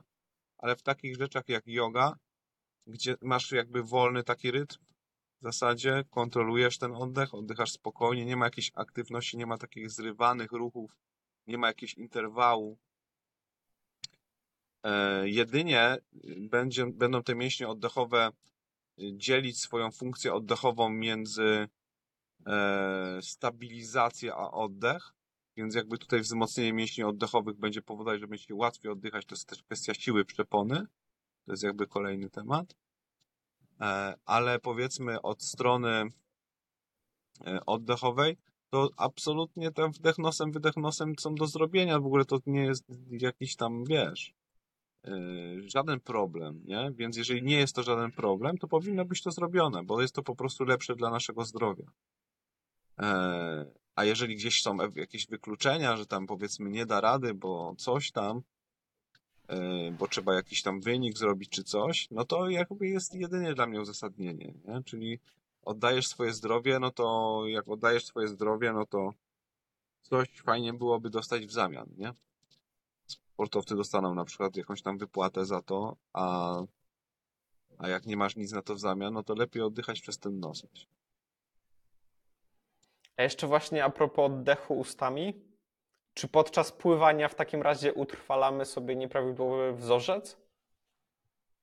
Mm, Wiesz co, podczas pływania masz. Yy, ciężko mówić, że otwalasz sobie wzorzec, bo jakiś nieprawidłowy. Z tego powodu, że e, tam masz wzorzec, który polega na wstrzymywaniu powietrza i go nabieraniu go, nie? Więc e, tak naprawdę ten wzorzec tutaj, że masz otwarte usta, to nie jest wzorzec oddechowy, który jakby promuje pływanie, bo pływanie promuje wstrzymanie powietrza, wzięcie oddechu, wstrzymanie powietrza, wzięcie oddechu, więc w zasadzie trenu, y, promuje e, ograniczenie tego oddychania, nie? I jest jakąś tam formą rehabilitacji. Mm, więc jest to spoko. Tylko trzeba po prostu pamiętać, jak oddychać poza tym czynnością na e, po wyjściu z basenu i jest okej, jakby, nie? Jedynym, jedyną takim, jedyną rzeczą, która oczywiście jest zawsze jakaś granica między tym, co jakby leczy, a tym, co szkodzi. No i oczywiście, jeżeli weźmiesz znowu z drugiej strony pływaków, którzy są pływakami jakimiś tutaj zawodowymi, czyli spędzają kilka godzin na basenie, no to znowu będziesz mieć w drugą stronę przegięcie i e, okaże się, że to pływanie szkodzi, nie? Ze względu na to, że na przykład ilość chloru, który, który wdychasz, będzie, będzie jakby tutaj tym czynnikiem szkodliwym, nie? Ale wzorzec myślę, że to jest tak jak na Wimiechowie by się zapytał. Jeżeli zrobisz go przez usta, a potem przez cały czas oddychasz przez nos, no to, no to po prostu wiesz jak oddychać, a tutaj wykorzystałeś ten aspekt tego, mm, tej dyscypliny, jaką jest pływanie, żeby coś w sobie rozwinąć. I tak samo możesz wykorzystać inny aspekt, na przykład tak samo jest treningiem oporowym, który, który masz przez usta. Też wykorzystujesz e, to, że, że oporujesz mięśnie oddechowe, a następnie oddychasz e, resztę dnia przez nos, nie? Więc no, wszystko jest związane jakby z twoją świadomością. Jeżeli masz świadomość tego, jak oddychasz, to możesz robić różne rzeczy. Jeżeli nie masz świadomości, jak się oddycha, to może wtedy lepiej nie robić pewnych, pewnych tutaj e, treningów albo, albo ćwiczeń oddechowych, nie? Dawka czyni truciznę, a właśnie z tym basenem jeszcze, czyli jak w wodzie jest chlor, to ten chlor też przechodzi do powietrza w jakimś stopniu, tak? No wiesz, jak przesuwasz się, jak jesteś przy samej powierzchni wody, to ten chlor aż czujesz jego zapach, więc jak czujesz jego zapach, to znaczy, że on gdzieś jest w powietrzu, nie? No tak. No albo tak. jakiś, albo jakiś coś, co jest e, w reakcji chemicznej z nim, nie wiem. Może on Mhm. jest w jakiś Mhm. sposób utleniony, ten chlor, albo coś, nie mam pojęcia, ale czy znajduje się nie w postaci chloru, a w postaci jakiejś e, związku chloru, nie? Nie mam pojęcia, ale jak go czujesz w powietrzu, znaczy, że on tam jest, nie? A myślę, że jak jesteś bliżej wody, to jesteś jeszcze bliżej, a jak otwierasz usta, no to pozbywasz się możliwości filtracji, nie? Więc kilka rzeczy by skłaniało do tego, że może coś tam być. A, a prawda jest taka, że akurat e, tacy zawodowi pływacy, to oni w wielu przypadkach są w grupie astmy wysiłkowej, o, o dziwo. Czyli y, gdzieś tam mają jakby przez wystawienie się na te czynniki drażniące, jakim jest chlor, mają jakiś tam stan zapalny dróg oddechowych. Są tak samo na przykład najgorsze, wiesz, dyscypliny są takie, gdzie jest zawsze zimno i dla oddechu, że jest zimno i, i intensywnie. Czyli na przykład, wiesz, e, biegi narciarskie, nie? Czyli intensywny bardzo oddech plus zimne powietrze, to jest najgorzej. Nie? Nawet jeżeli jest nosem. No jak jest nosem, no to, to, to już masz ograniczenie ilości powietrza i go podgrzanie, więc jakby to wtedy nie, nie? To po prostu nos jakby ci odmówi w pewnym momencie, myślę, posłuszeństwa. A usta to- polecisz. Mhm.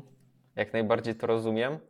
To może tak to podsumowujmy trochę. Podsumujmy trochę ten No. prawidłowy oddech. Ja się postaram tu wszystko podsumować, a ty mi powiedz, czy jeszcze byś coś Dobrze. dodał. Więc na pewno Jasne. intensywność ma być jak najmniejsza, jak najmniej ma być tych, tych oddechów.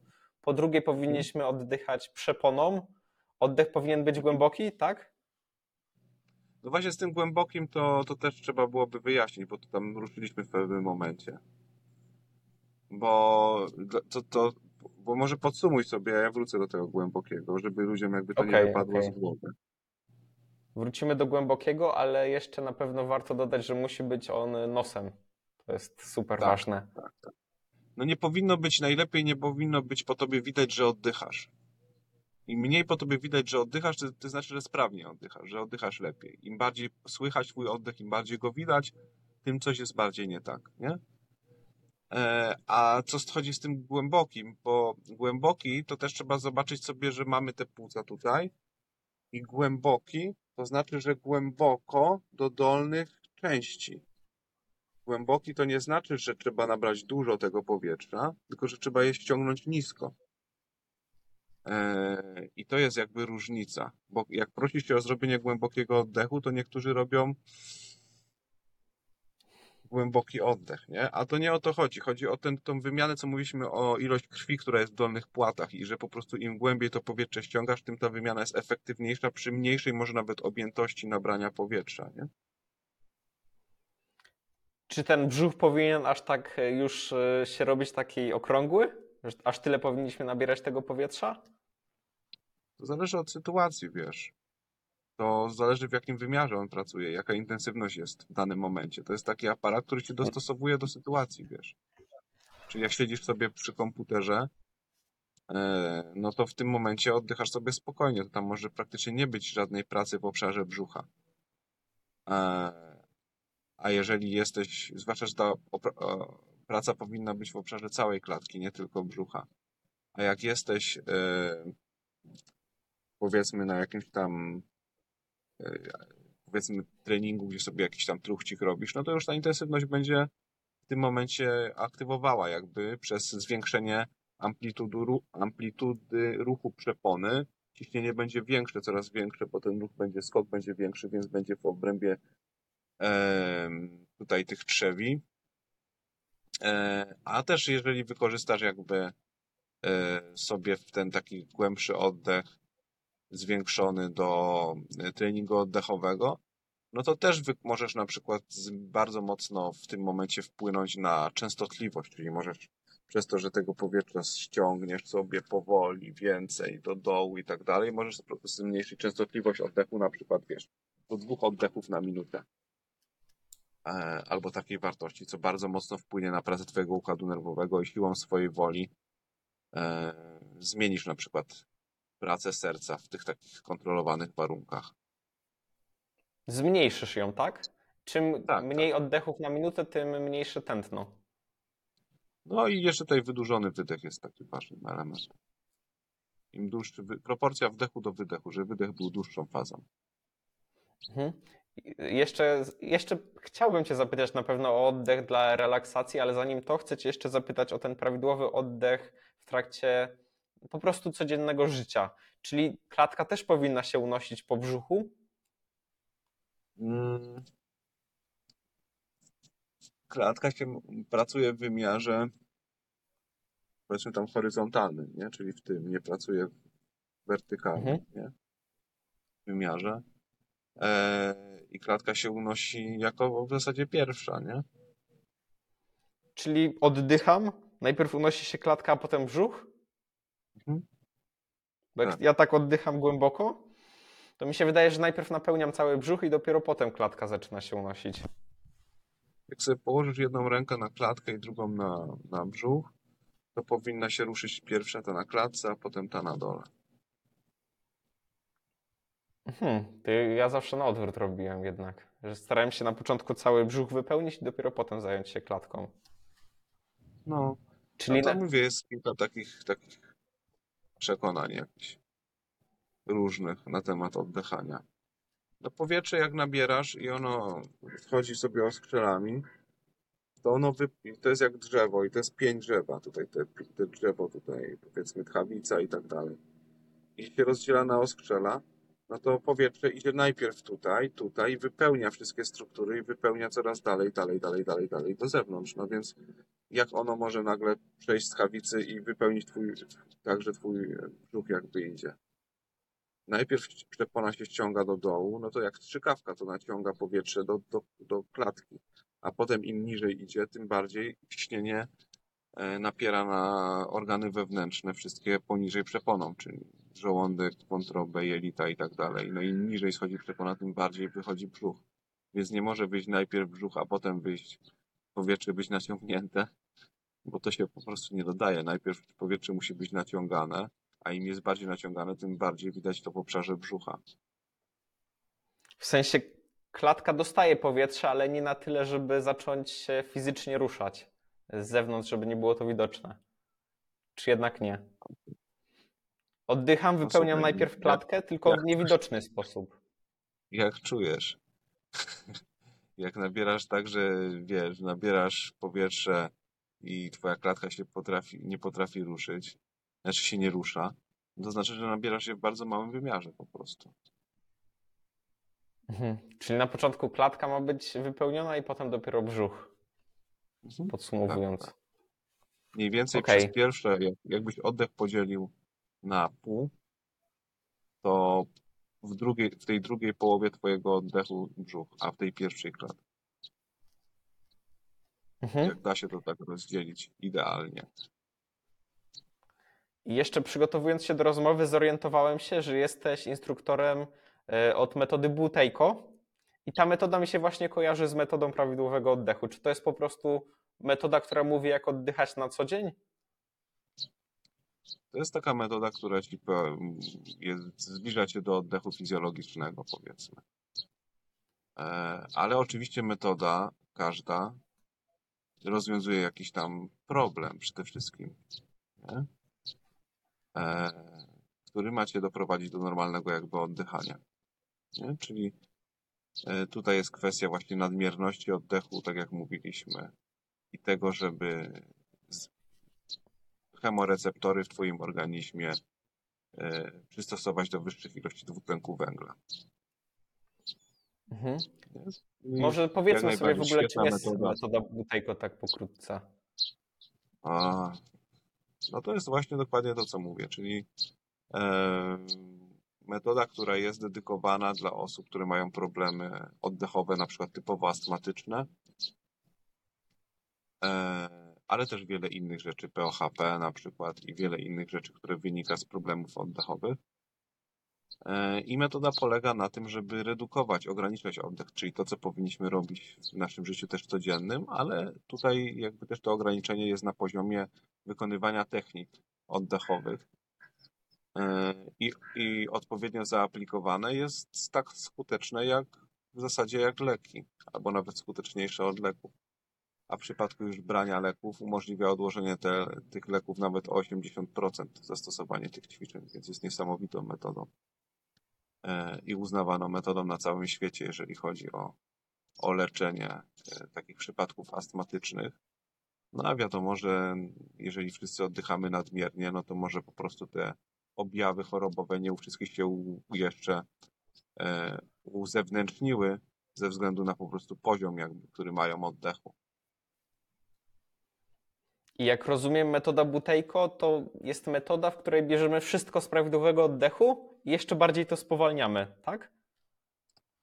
Yy, No, dokładnie, czyli robisz sekwencje jakby oddechowe, które polegają na jeszcze większym jakby ograniczeniu, które oczywiście jesteś w stanie w komforcie jakby wytrzymać.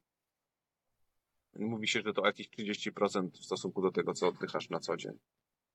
Zmieniasz częstotliwość, zmieniasz częstotliwość, większość wprowadzając taki charakterystyczny głód powietrza, takie odczucie niedoboru powietrza i wytrzymanie go, lub korzystasz z sekwencji ograniczenia powietrza i wstrzymywania powietrza, bo to oczywiście można w dowolne sekwencje dobierać z jakimś zachowaniem jakieś tam. Trzeba mieć wiedzę, żeby jednak zachować jakieś proporcje oddechowe e, i żeby być z tym oddechem jakby odpowiednio miłym, żeby nie, nie była to katorga też, tylko żeby to był właśnie trening, który daje progres, więc masz też możliwości kontroli tego progresu, to jest bardzo istotne. I dostosowywania treningu oddechowego już wtedy stricte do, do uzyskiwanych postępów, bo wtedy to jest taka bardziej metoda w sposób e, matematyczny nawet można powiedzieć opracowana, a, a nie na zasadzie zrelaksowania swojego organizmu e, i wykonania jakiegoś ćwiczenia tam, a czasem nie wykonania tego ćwiczenia, tylko bardziej takiej metodycznej pracy już, jeżeli chodzi o oddech. Załóżmy, że teraz kto, ktoś usłyszał, że to może być metoda lepsza albo podobnie działająca jak leki i chce zacząć e, z niej korzystać. Co musi zrobić? Kładzie się, rozumiem, zaczyna oddychać prawidłowo, skupia się na tym i co dalej? Nie, nie, nie. Jeżeli ktoś zaczyna z tym, z tym robić i faktycznie chce tutaj sobie z tym poradzić, musi sobie znaleźć kogoś, kto mu powie, o co w tym chodzi, myślę. Bo to nie jest tak, że ktoś sobie zaczyna robić i tak dalej i, i kładzie się i sobie robi. Może dojdzie do tego jakąś metodą prób i błędów przez jakiś tam czas dłuższy, ale to, to są przypadki takie, że ktoś musi ci pomóc po prostu. Ktoś musi cię poprowadzić to na tym się zna, bo jeżeli my jesteś przypadkiem, który ma jakieś problemy zdrowotne, no to, to nie można udzielać, to nie jest, wiesz, to nie jest Polska Służba Zdrowia, żeś przez telefon udzielał, wiesz, porady, nie? Trzeba zobaczyć, na Czy czym ta polega ten jest- problem też. Czy ta metoda jest tylko dla ludzi zdrowych, czy może też być e, dla, nie, e, dla chorych, czy tylko, też może być dla zdrowych jako taka forma prewencji? Wiesz co, generalnie jakby masz jakiś pomiar po prostu oddechowy I on określa to, czy ty jesteś zdrowy, czy chory, a nie twoje, twój, twoje samopoczucie. Czyli to by się może wydawać, że jesteś super gość, nie? Ale my tutaj oceniamy pewien parametr, czyli oceniamy tą adaptację do dwutlenku węgla i po niej jakby to określamy. I jeżeli masz bardzo dobry wynik, to znaczy, że jesteś zdrowy. I jesteś zdrowy pod kątem oddechu i ogólnie. A, a jeżeli, jeżeli ten ni- wynik jest niski, to ty możesz czuć się zdrowy, ale pod kątem oddechu to może być kwestią czasu. Nie? Czy mówisz o Więc- pauzie kontrolnej? Tak, tak, tak. Bo to, to jest jakby taki pomiar, który no jest takim klasyfikującym. Nie? Pomiarem. Jakby ktoś nie wiedział o co chodzi, jak byś wytłumaczył, czym jest pauza kontrolna? Wiesz co? No jest to pomiar, w którym em, wstrzymujesz. mm, To jest takie. Okej, to nie będę mówił o stronie technicznej, tylko powiem może co on robi, bo tak będzie myślę prawidłowie. E, czyli jest to jakaś odpowiedź Twojego organizmu na wzrastający dwutlenek węgla. To jest to, o czym mówiliśmy wcześniej. I ten czas, który, który Twój organizm odpowiada, jest e, odpowiedzią jakby szybkości reakcji na jakiś tam nawet czynnik stresowy, można powiedzieć, bo ten węgla takim czynnikiem stresowym jest. Więc e, pokaże to Twój sposób zregenerowania się, Twój sposób, e, jak spałeś, jak Twój układ nerwowy, że tak powiedzmy, że tak powiem, pracuje. E, No i to myślę jest, tym jest pauza, nie? Tym jest pauza. A wykonanie tego, wytłumaczenie tego, e, jeżeli ktoś chce sobie zobaczyć, to ja może, to może zobaczyć nagranie na YouTubie. Tam tłumaczę to z 15 minut, więc jak miałbym to wytłumaczyć, to bym potrzebował z 15-20 minut, no to jest tak, wiesz, to nie wiem, taka przestrzeń na, na tłumaczenie, żeby to ktoś w ogóle dobrze zrobił, bo nawet po, czasem po takim nagraniu wideo, jak ktoś sobie oglądnie, to, to nie zawsze dobrze robi, a pamiętajmy, że to jest pomiar, do którego, do którego się odnosisz z treningami, więc jak go źle jakby zmierzysz, no to zaczynasz trenować w ogóle nie w takim wymiarze, jak powinieneś, więc może to być e, tak naprawdę twój ostatni kontakt z treningami oddechowymi, bo jak dasz sobie na przykład za dobry wynik, no to dos- dostaniesz odpowiedni zestaw ćwiczeń adekwatny do twojego wyniku. A ty na przykład Mhm. będziesz chciał dobrze wypaść, nie? Ja zostawię linka w opisie do tego nagrania Twojego, ale tak w skrócie. Uspokajasz oddech do takiej spokojnej, prawidłowej granicy, do, do normalnej intensywności. Następnie przestajesz oddychać z, z czy bez powietrza? Bez. Na wydech. Bez powietrza za, przestajesz oddychać i liczysz, Mhm. kiedy pojawi się pierwszy sygnał od ciała, że masz wziąć oddech, tak? No włączasz sobie stoper, powiedzmy. Nie, nie, nie liczysz, tylko włączasz stoper. No i dostajesz ten, ten, ten, powiedzmy, sygnał i nabierasz powietrza w takim samym wymiarze, jak oddychałeś wcześniej. I, I to jest nawet najmniejszy sygnał. Yy, no wyraźny sygnał, tak. I Bo to, I ile powinien wynosić? Tak w dużym skrócie, nie chcę całego tego filmu, który podlinkuję, tłumaczyć, ale tak w dużym skrócie, ile powinna wynosić taka pauza, ile zazwyczaj wynosi i potem jak ją podnieść. Wiesz co, no powinna wynosić mniej więcej powiedzmy z 25 sekund, 30, może im więcej, tym lepiej, zawsze. Yy, I jak ją podnieść? Przez adaptację do dwutlenku węgla właśnie. Po. Czyli poprzez metodę Butejko. Tak, na przykład. No, przez trening e, adaptacyjny. Może to być odpowiednio wykonany trening fizyczny. Może to być odpowiednio trening pigowy wykonany. Wiesz, adaptacja się odbywać może w różne sposoby. Tak naprawdę. Nie? I czym grozi za mała pauza kontrolna, jeżeli ktoś ma ją za małą? Czym to może grozić? Wiesz co, to jakby pokazuje pewien, pewien trend, pokazuje pewien e, sposób jakby stylu życia, czyli że, że e, ta wymiana powiedzmy gazowa może nie być na odpowiednim poziomie, bo duża intensywność oddechowa wywołuje jakby tą pauzę. E, i że coś jest jakby tutaj nie tak, nie, w organizmie, a to prowadzi tak naprawdę do, no, niedotlenienia organizmu, nie? E, ta, ta niska pauza, czyli twój oddech prowadzi do niedotlenienia twojego organizmu, no to co będzie łączyło się z jakimiś tam konsekwencjami, bo niedotlenienie to, to, no, to będzie proces powiedzmy krążenia tego tlenu we krwi, a nie dostarczania go do komórek. Nie? No i to będzie mieć problem, wiesz, z metabolizmem, z wagą, ze spaniem, z koncentracją, z odpornością. No tak jak rozmawialiśmy, tak jak gdzieś tam już wcześniej to, to zostało nakreślone, że no jest po prostu dużo, dużo jakby czynników, które, na które będzie się to przekładać. To jest taki tak zwany e, wytrych, nie? Czyli powiedzmy, ten mechanizm otwiera wiele mechanizmów w naszym ciele.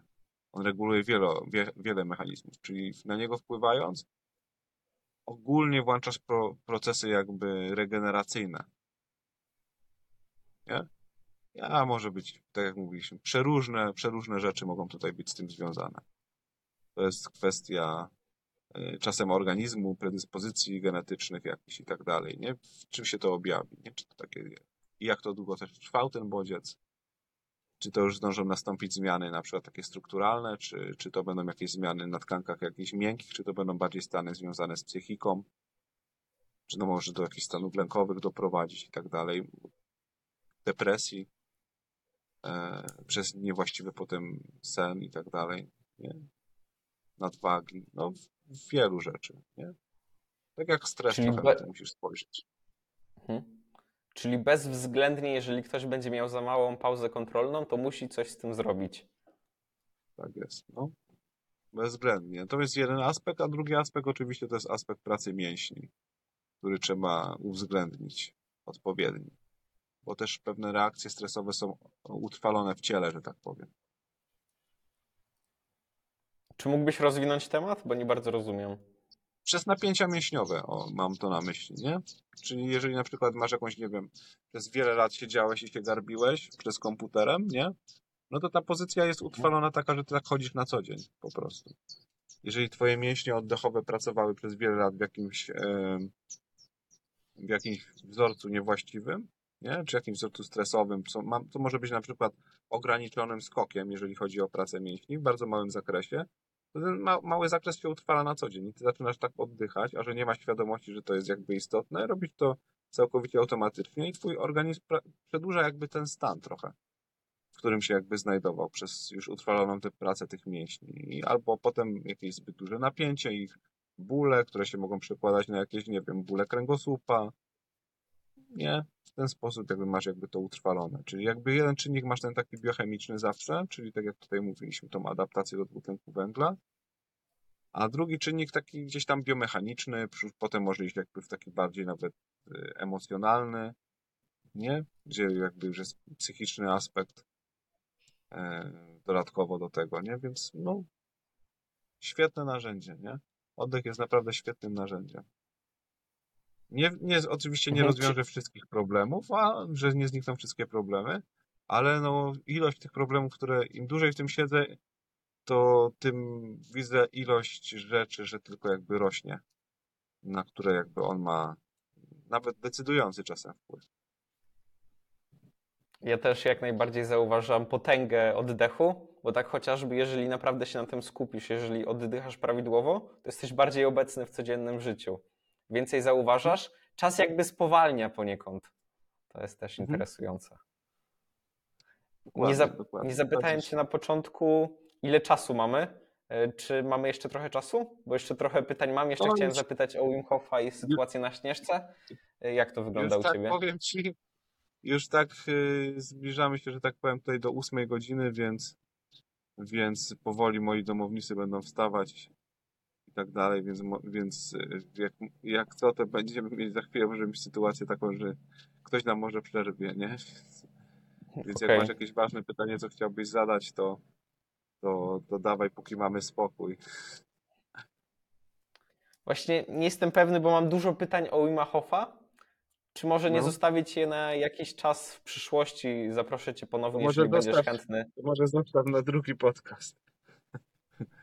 Okej, to a tutaj już dokończmy ten... mógłbyś- No, bo tutaj mamy taki temat typowo oddechu i zdrowia, Chociaż Wim Hof to też oczywiście jest zdrowie, ale, ale to jest osobny może być cały, cały temat bez problemu, nie? Bo to, to już jesteśmy, rozwinęliśmy się tak na półtorej godziny gdzieś, nie?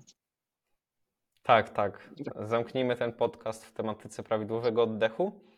Tak cię jeszcze No. zapytam, czy jest coś jeszcze, co o oddechu powinien wiedzieć każdy, że jakby była lekcja w szkole podstawowej na temat oddechu, to to by musiało być tam poruszone. Wiesz, zawsze pierwszy element to jest element świadomego oddechu, nie? Że nie możesz tego zostawiać po prostu automatyzmowi. I rola Znaczy masz- to, jak, Masz się nauczyć, żeby ten automatyzm był prawidłowy, może tak, czy nie? Wiesz co, no ten automatyzm prawidłowy, no to po prostu przez adaptację do dwutlenku węgla jakby osiągasz w pewnym stopniu, ale chodzi o to, jak ty często tą uwagę na ten oddech kierujesz, bo ona zawsze cię ściąga jakby do chwili obecnej i to jest jakby to, co powinno być nauczone. Wiadomo, że powinien ktoś wiedzieć, jak pracują mięśnie oddechowe, wiadomo, że ktoś powinien wiedzieć, jakie ma właściwości ten jego oddech, co mu daje, bo inaczej jak ma to wykorzystać, jak nie wie, co mu to daje. Eee, wiadomo, że powinien być spokojny przez nos i tak dalej. No, wszystkie te elementy jakby powinny być. Tylko, że jak ktoś zaczyna z tym wszystkim pracować i się dowiaduje jakby to wszystko, to pierwszą reakcję, jaką mówi, to mówi przecież ja to wiem, nie? I jeżeli nawet ktoś ma problemy ewidentnie, no to nie, niejednokrotnie on też odpowiada, że przecież ja to wiem. No i problem polega na tym, że wszyscy to wiemy, i wiemy to od wielu tysięcy lat, a w naszej kulturze od setek lat może. Eee, tylko nie, chodzi o to, żeby nie wiedzieć, to tylko to zrobić. I to jest jakby sednem tego, z tego wszystkiego, cze- co trzeba zrozumieć oddechem, że wiedza to jest 10%. A oni już wiedzą, no to już 10% mają, jeszcze 90% zostało. I to 90% to jest właśnie praktyka oddechu i kierowania uwagi w odpowiedni sposób na oddech. I to jest coś takiego, co każdy powinien dowiedzieć się, czyli powinien dowiedzieć się, jakie to jest ważne. A potem to, jak będzie chciał robić, to niech sobie robi, ale jeżeli uzna, że to jest dla niego ważne i zrozumie, jak, jaka jest y, moc tego wszystkiego, no to w tym momencie, no sorry, będzie przekonany, że sam sobie szkodzi, no bo, no bo, no bo tego inaczej jakby nie da się zrobić. Albo przynajmniej będzie miał jakieś takie narzędzia, wiesz, będzie chciał podnieść sobie właśnie koncentrację, to sobie ją podniesie, będzie chciał y, pójść spać, to pójdzie spać, będzie chciał sobie ten nos udrożnić, żeby nie był zapchany, będzie to mógł zrobić. Wiesz, takie narzędzia też są jakby przydatne. Nie trzeba pracować metodycznie i, i trwale, ale mieć ten oddech, wiedzę o nim na przykład taką, że nie wiem, chcesz się trochę pobudzić, to sobie robisz ćwiczenie zamiast pić na przykład energetyka, nie? który jakieś tam efekty uboczne ma dla twojego organizmu. Chcesz się uśpić, no to robisz jakieś tam ćwiczenie, a niekoniecznie musisz ładować tabletkę, nie? Na to, żeby pójść spać, nie? Które ćwiczenie jeszcze coś tam wpływa na twój układ nerwowy, jeszcze coś się tam reguluje. E, Albo na przykład, nie wiem, nie możesz y, się, wiesz, skupić uwagi, no to bierzesz jakąś tabletkę zamiast na przykład tą uwagę potrenować, nie? I tak to powinno być robione, nie? A jak idziesz do lekarza, to lekarz ci powinien powiedzieć, że jest e, opcja albo wzięcia leku, albo jest taka opcja, że no, no, ale ta opcja, oczywiście ta druga jest taką opcją, która jest dla osób, które nie są leniwe i będzie wymagać nakładu czasu i będzie wymagać od ciebie więcej pracy i będziesz musiał, ten oddech musiał stać się ważnym elementem twojego życia. I albo możesz wziąć sobie lek, albo możesz zrobić te wszystkie inne trudne rzeczy, które nie są na pewno zarezerwowane dla każdego, ale nie będziesz musiał tego leku wziąć. W mojej perspektywie oddech to jest taka przystań, do której zawsze możemy się skierować, żeby wrócić do teraźniejszości, można powiedzieć, do bycia obecnym. Że on jednak jest Ja ci ciągle. inaczej. Ja ci powiem inaczej, od razu. Jeżeli tak ci w słowo wejdę. Ty w ogóle nie powinieneś z tej teraźniejszości wychodzić, nie? To jest prawda, Tak, ale jednak w tych czasach to jest niemal nieosiągalne. Ale nie jest to takie, wiesz, to jest, to jest, to jest kwestia em, treningu, wypracowania tego, bo to są pewne nawyki po prostu. To, to, to się tak wydaje na początku, ale mogę się to powiedzieć z perspektywy osób, osoby, która to robi latami, że że cały czas trzeba o tym pamiętać i tak dalej, i tak dalej, to wiesz. Ale jest to do, do zrobienia, nie? Jest to do zrobienia zdecydowanie i dużo fajniejsze jest to życie. I ta uwaga też yy, potrafi się za to odwdzięczyć, że tak powiem. Z drugiej strony jednak tajemniczo nasz świat zabrzmi coraz trochę. bardziej... Proszę? Mówię, że tak tajemniczo to zabrzmi, ale, ale potrafi się ta uwaga odwdzięczyć, jak ją dajesz jej wytchnienie.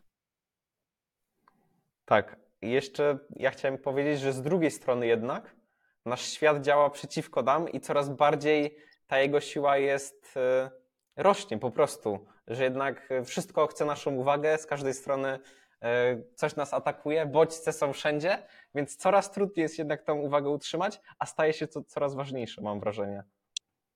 Ja powiem ci tak, ja myślę, że ten świat działa generalnie dokładnie wspierająco, wiesz? Że masz tyle możliwości jakby do treningu, że jeszcze tak dobrze nie było nigdy.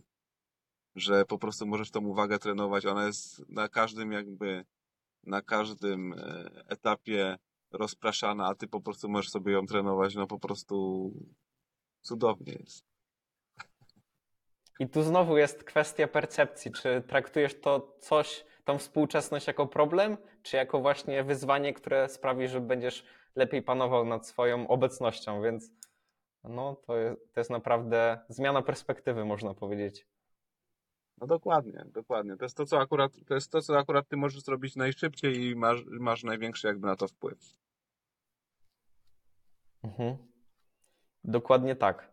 Wspomniałeś, że oddech może być również takim narzędnikiem, z- którego można korzystać, czy to chcąc się pobudzić, czy to chcąc się zrelaksować, czy osiągnąć jakikolwiek stan. Pewnie można by było zrobić o tym cały podcast, o, narzę- o oddechu jako zestawie narzędzi, ale tak Mhm. zapytam Cię może o jakąś jedną metodę oddechową, którą powinien znać każdy Twoim zdaniem. Ja myślę, że musisz odnieść po prostu do mnie na, na kanał i odnieść na przykład, znajdziesz sobie tam taką metodę e, odnośnie, e, jak ktoś ma problemy z zaśnięciem, że może ją zastosować. Myślę, że to możesz dodać. Do tego Mhm. filmiku. Jak najbardziej odniosę na Twój kanał. Zaraz Cię też dopytam dokładnie, gdzie mogą Cię ludzie znaleźć. Ale jeszcze zanim to, to na koniec mam taki segment, który e, zawsze kończy podcast. I jest to Mhm. segment Każda porażka jest lekcją. Polega on na tym, Mhm. że pytam gościa o największą porażkę ostatniego roku, a następnie o lekcje, jakie z niej wyciągnął. I tak znowu mówiliśmy o tej percepcji, i tutaj chodzi właśnie o zmianę percepcji, żeby traktować porażkę jako coś, coś dobrego, porażkę jako informację zwrotną, co zrobiliśmy źle i co możemy zrobić lepiej następnym razem. Więc teraz Ciebie zapytam, jaka była Twoja największa porażka ostatniego roku? Mm. Wiesz co? No nie wiem, czy to tak mogę, jakby wiesz, czy to tak jest sens opowiadać o tym, czy jest sens o tym mówić. Jaka była moja największa porażka ostatnimi czasy? Mm, Ostatnio zrobiłem jakieś takie coś, nie chcę się jakby w to zagłębiać, ale gdzieś jakąś e, jakoś nie, no coś tam zrobiłem nie tak z papierami, to nie była do końca jakby moja wina, ale nie tak zrobiłem z papierami od firmy. Ale nic tam, nic związanego z jakimiś finansami, nawet takie bardziej administracyjne to były jakby problemy, rzeczy. I, I coś tam nie dopełniłem, a wydawało mi się, że dopełniłem. Zrehabilitowałem od razu, ale już było po sprawie. No i dostałem ostatnio karę tam dużą finansową. I jaka jest z Tak, tego czyli- lekcja?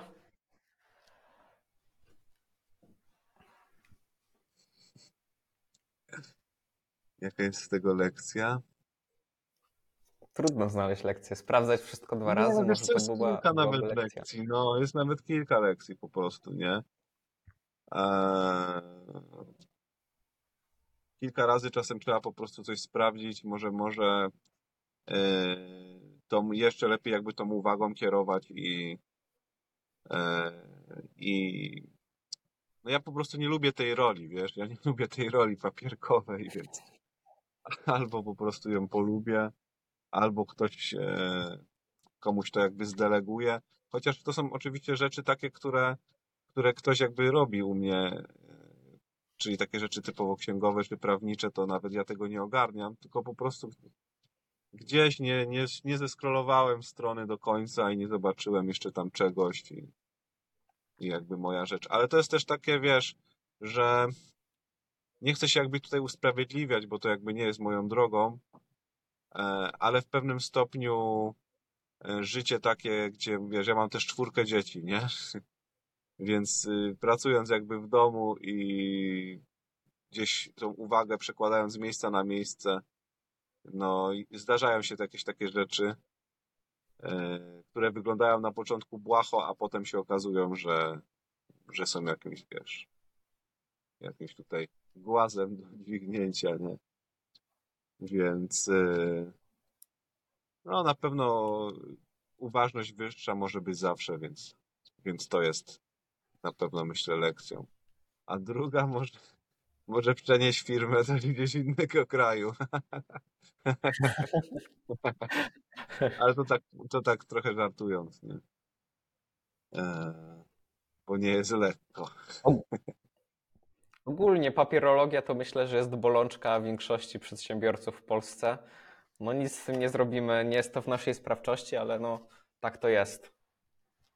Trzeba zaakceptować to, jak jest, a jak nie, to po prostu to zmienić. Zaakceptować i to zmienić.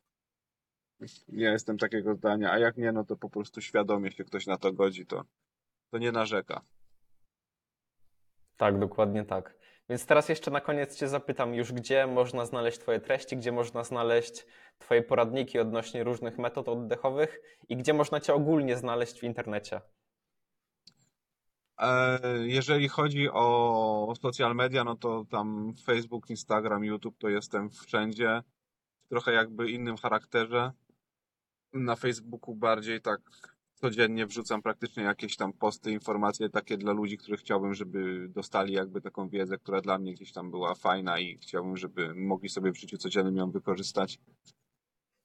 Instagra- na Instagramie tak bardziej zaznaczam swoją obecność, co robię i gdzie jestem, a na YouTubie wrzucam takich dużo fajnych materiałów, które mogą być też dla ludzi przydatne po prostu pod kątem oddechu albo wiedzy, która tego oddechu dotyczy, także tam jest bardzo fajne i i dużo tych materiałów, albo swoich jak, jakichś wyjazdów, podróży i tak dalej też tam wrzucam.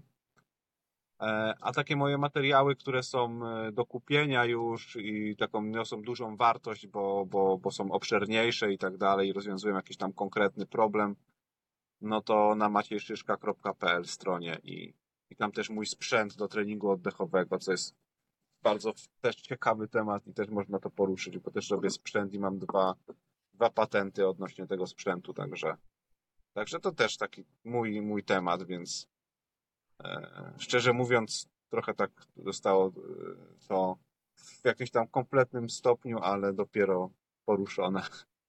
E, dosłownie ten temat został poruszony dopiero. Więc szukajcie mnie, jak macie szyszka, wpiszecie, na pewno znajdziecie. Chociaż jeszcze jakiś macie szyszka też widziałem, że jest. Tak? Co, co, co, co działa coś, ale robi inne rzeczy. A też, ale też z fizjoterapii, co ciekawe.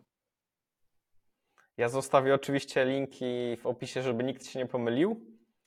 I też y, ciekawą rzeczą jest to, rozmawialiśmy trochę o obecności i ty organizujesz takie, można powiedzieć, obozy z obecności, w których właśnie resetujecie trochę ten układ nerwowy pod e, obecność, co nie? Prawda? No tak, ale to już jest nowy temat, też nie? Robimy takie obozy, wiesz, no to jest ciekawy temat ogólnie, bo to są obozy, wiesz, w charakterze tygodniowym, e, zabieramy technologię, e, robimy jakieś tam różne ciekawe rzeczy z ludźmi, tak bardzo ogólnie mówiąc, więc taki jakby jeden obóz to, to już jest jakby temat podcastu, bo tam jest y, trochę resetowanie układu, każdego w zasadzie układu w ciele, pod kątem jakby lepszego funkcjonowania, więc myślę, że to, co robimy, te, te reset campy nasze, zresztą z Rafałem Wilkiem to, to, to, to współpracuje razem, to jest no niesamowite rozwiązanie na te czasy, w których jesteśmy, więc to mógł być też kolejny ciekawy temat rozmowy. Tematów z Tobą nie brakuje. Ja Ci już, już chcę bardzo serdecznie podziękować za ten podcast. Dużo z niego wyciągnąłem.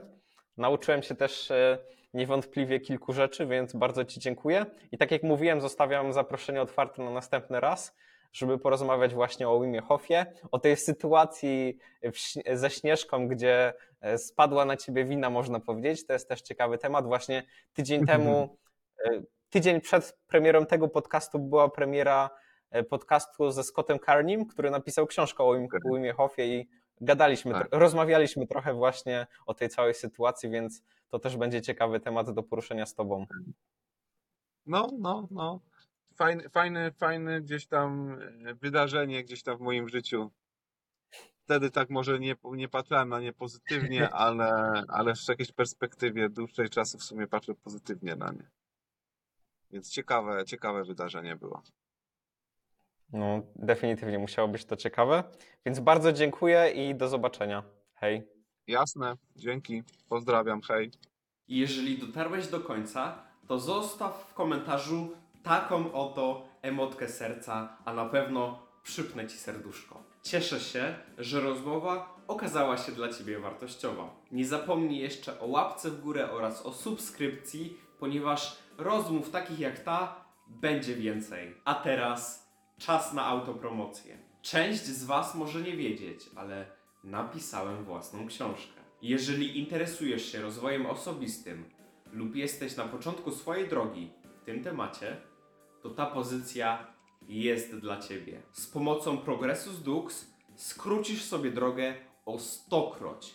Streściłem w niej kilka lat swojego rozwoju w 85 praktycznych rozdziałów wypełnionych konkretami. Darmowe fragmenty już dostępne na stronie internetowej przemekwojcicki.pl lub w linku w opisie. I nie, nie jest to żadne zbieranie danych do news newslettera, po prostu wchodzisz w linka i od razu masz całą treść. Nie zbieram żadnych maili, nic z tych rzeczy. Książka została wydana w edycji limitowanej do 100 egzemplarzy. Tak się składa, że robiąc ostatnio porządki, natknąłem się jeszcze na kilka z nich. Także na stronie przemekwojcicki.pl znajdziesz darmowe fragmenty, darmowe rozdziały. Znajdziesz również możliwość zakupienia tej książki właśnie w edycji limitowanej zostało kilka egzemplarzy oraz w e-booku. Na tejże stronie znajdziesz również transkrypcję podcastów. Więc jeżeli myślisz o zakupie tej książki, to lepiej się śpiesz, ponieważ ilość egzemplarzy jest mocno ograniczona. Miłej lektury i do następnego. Hej!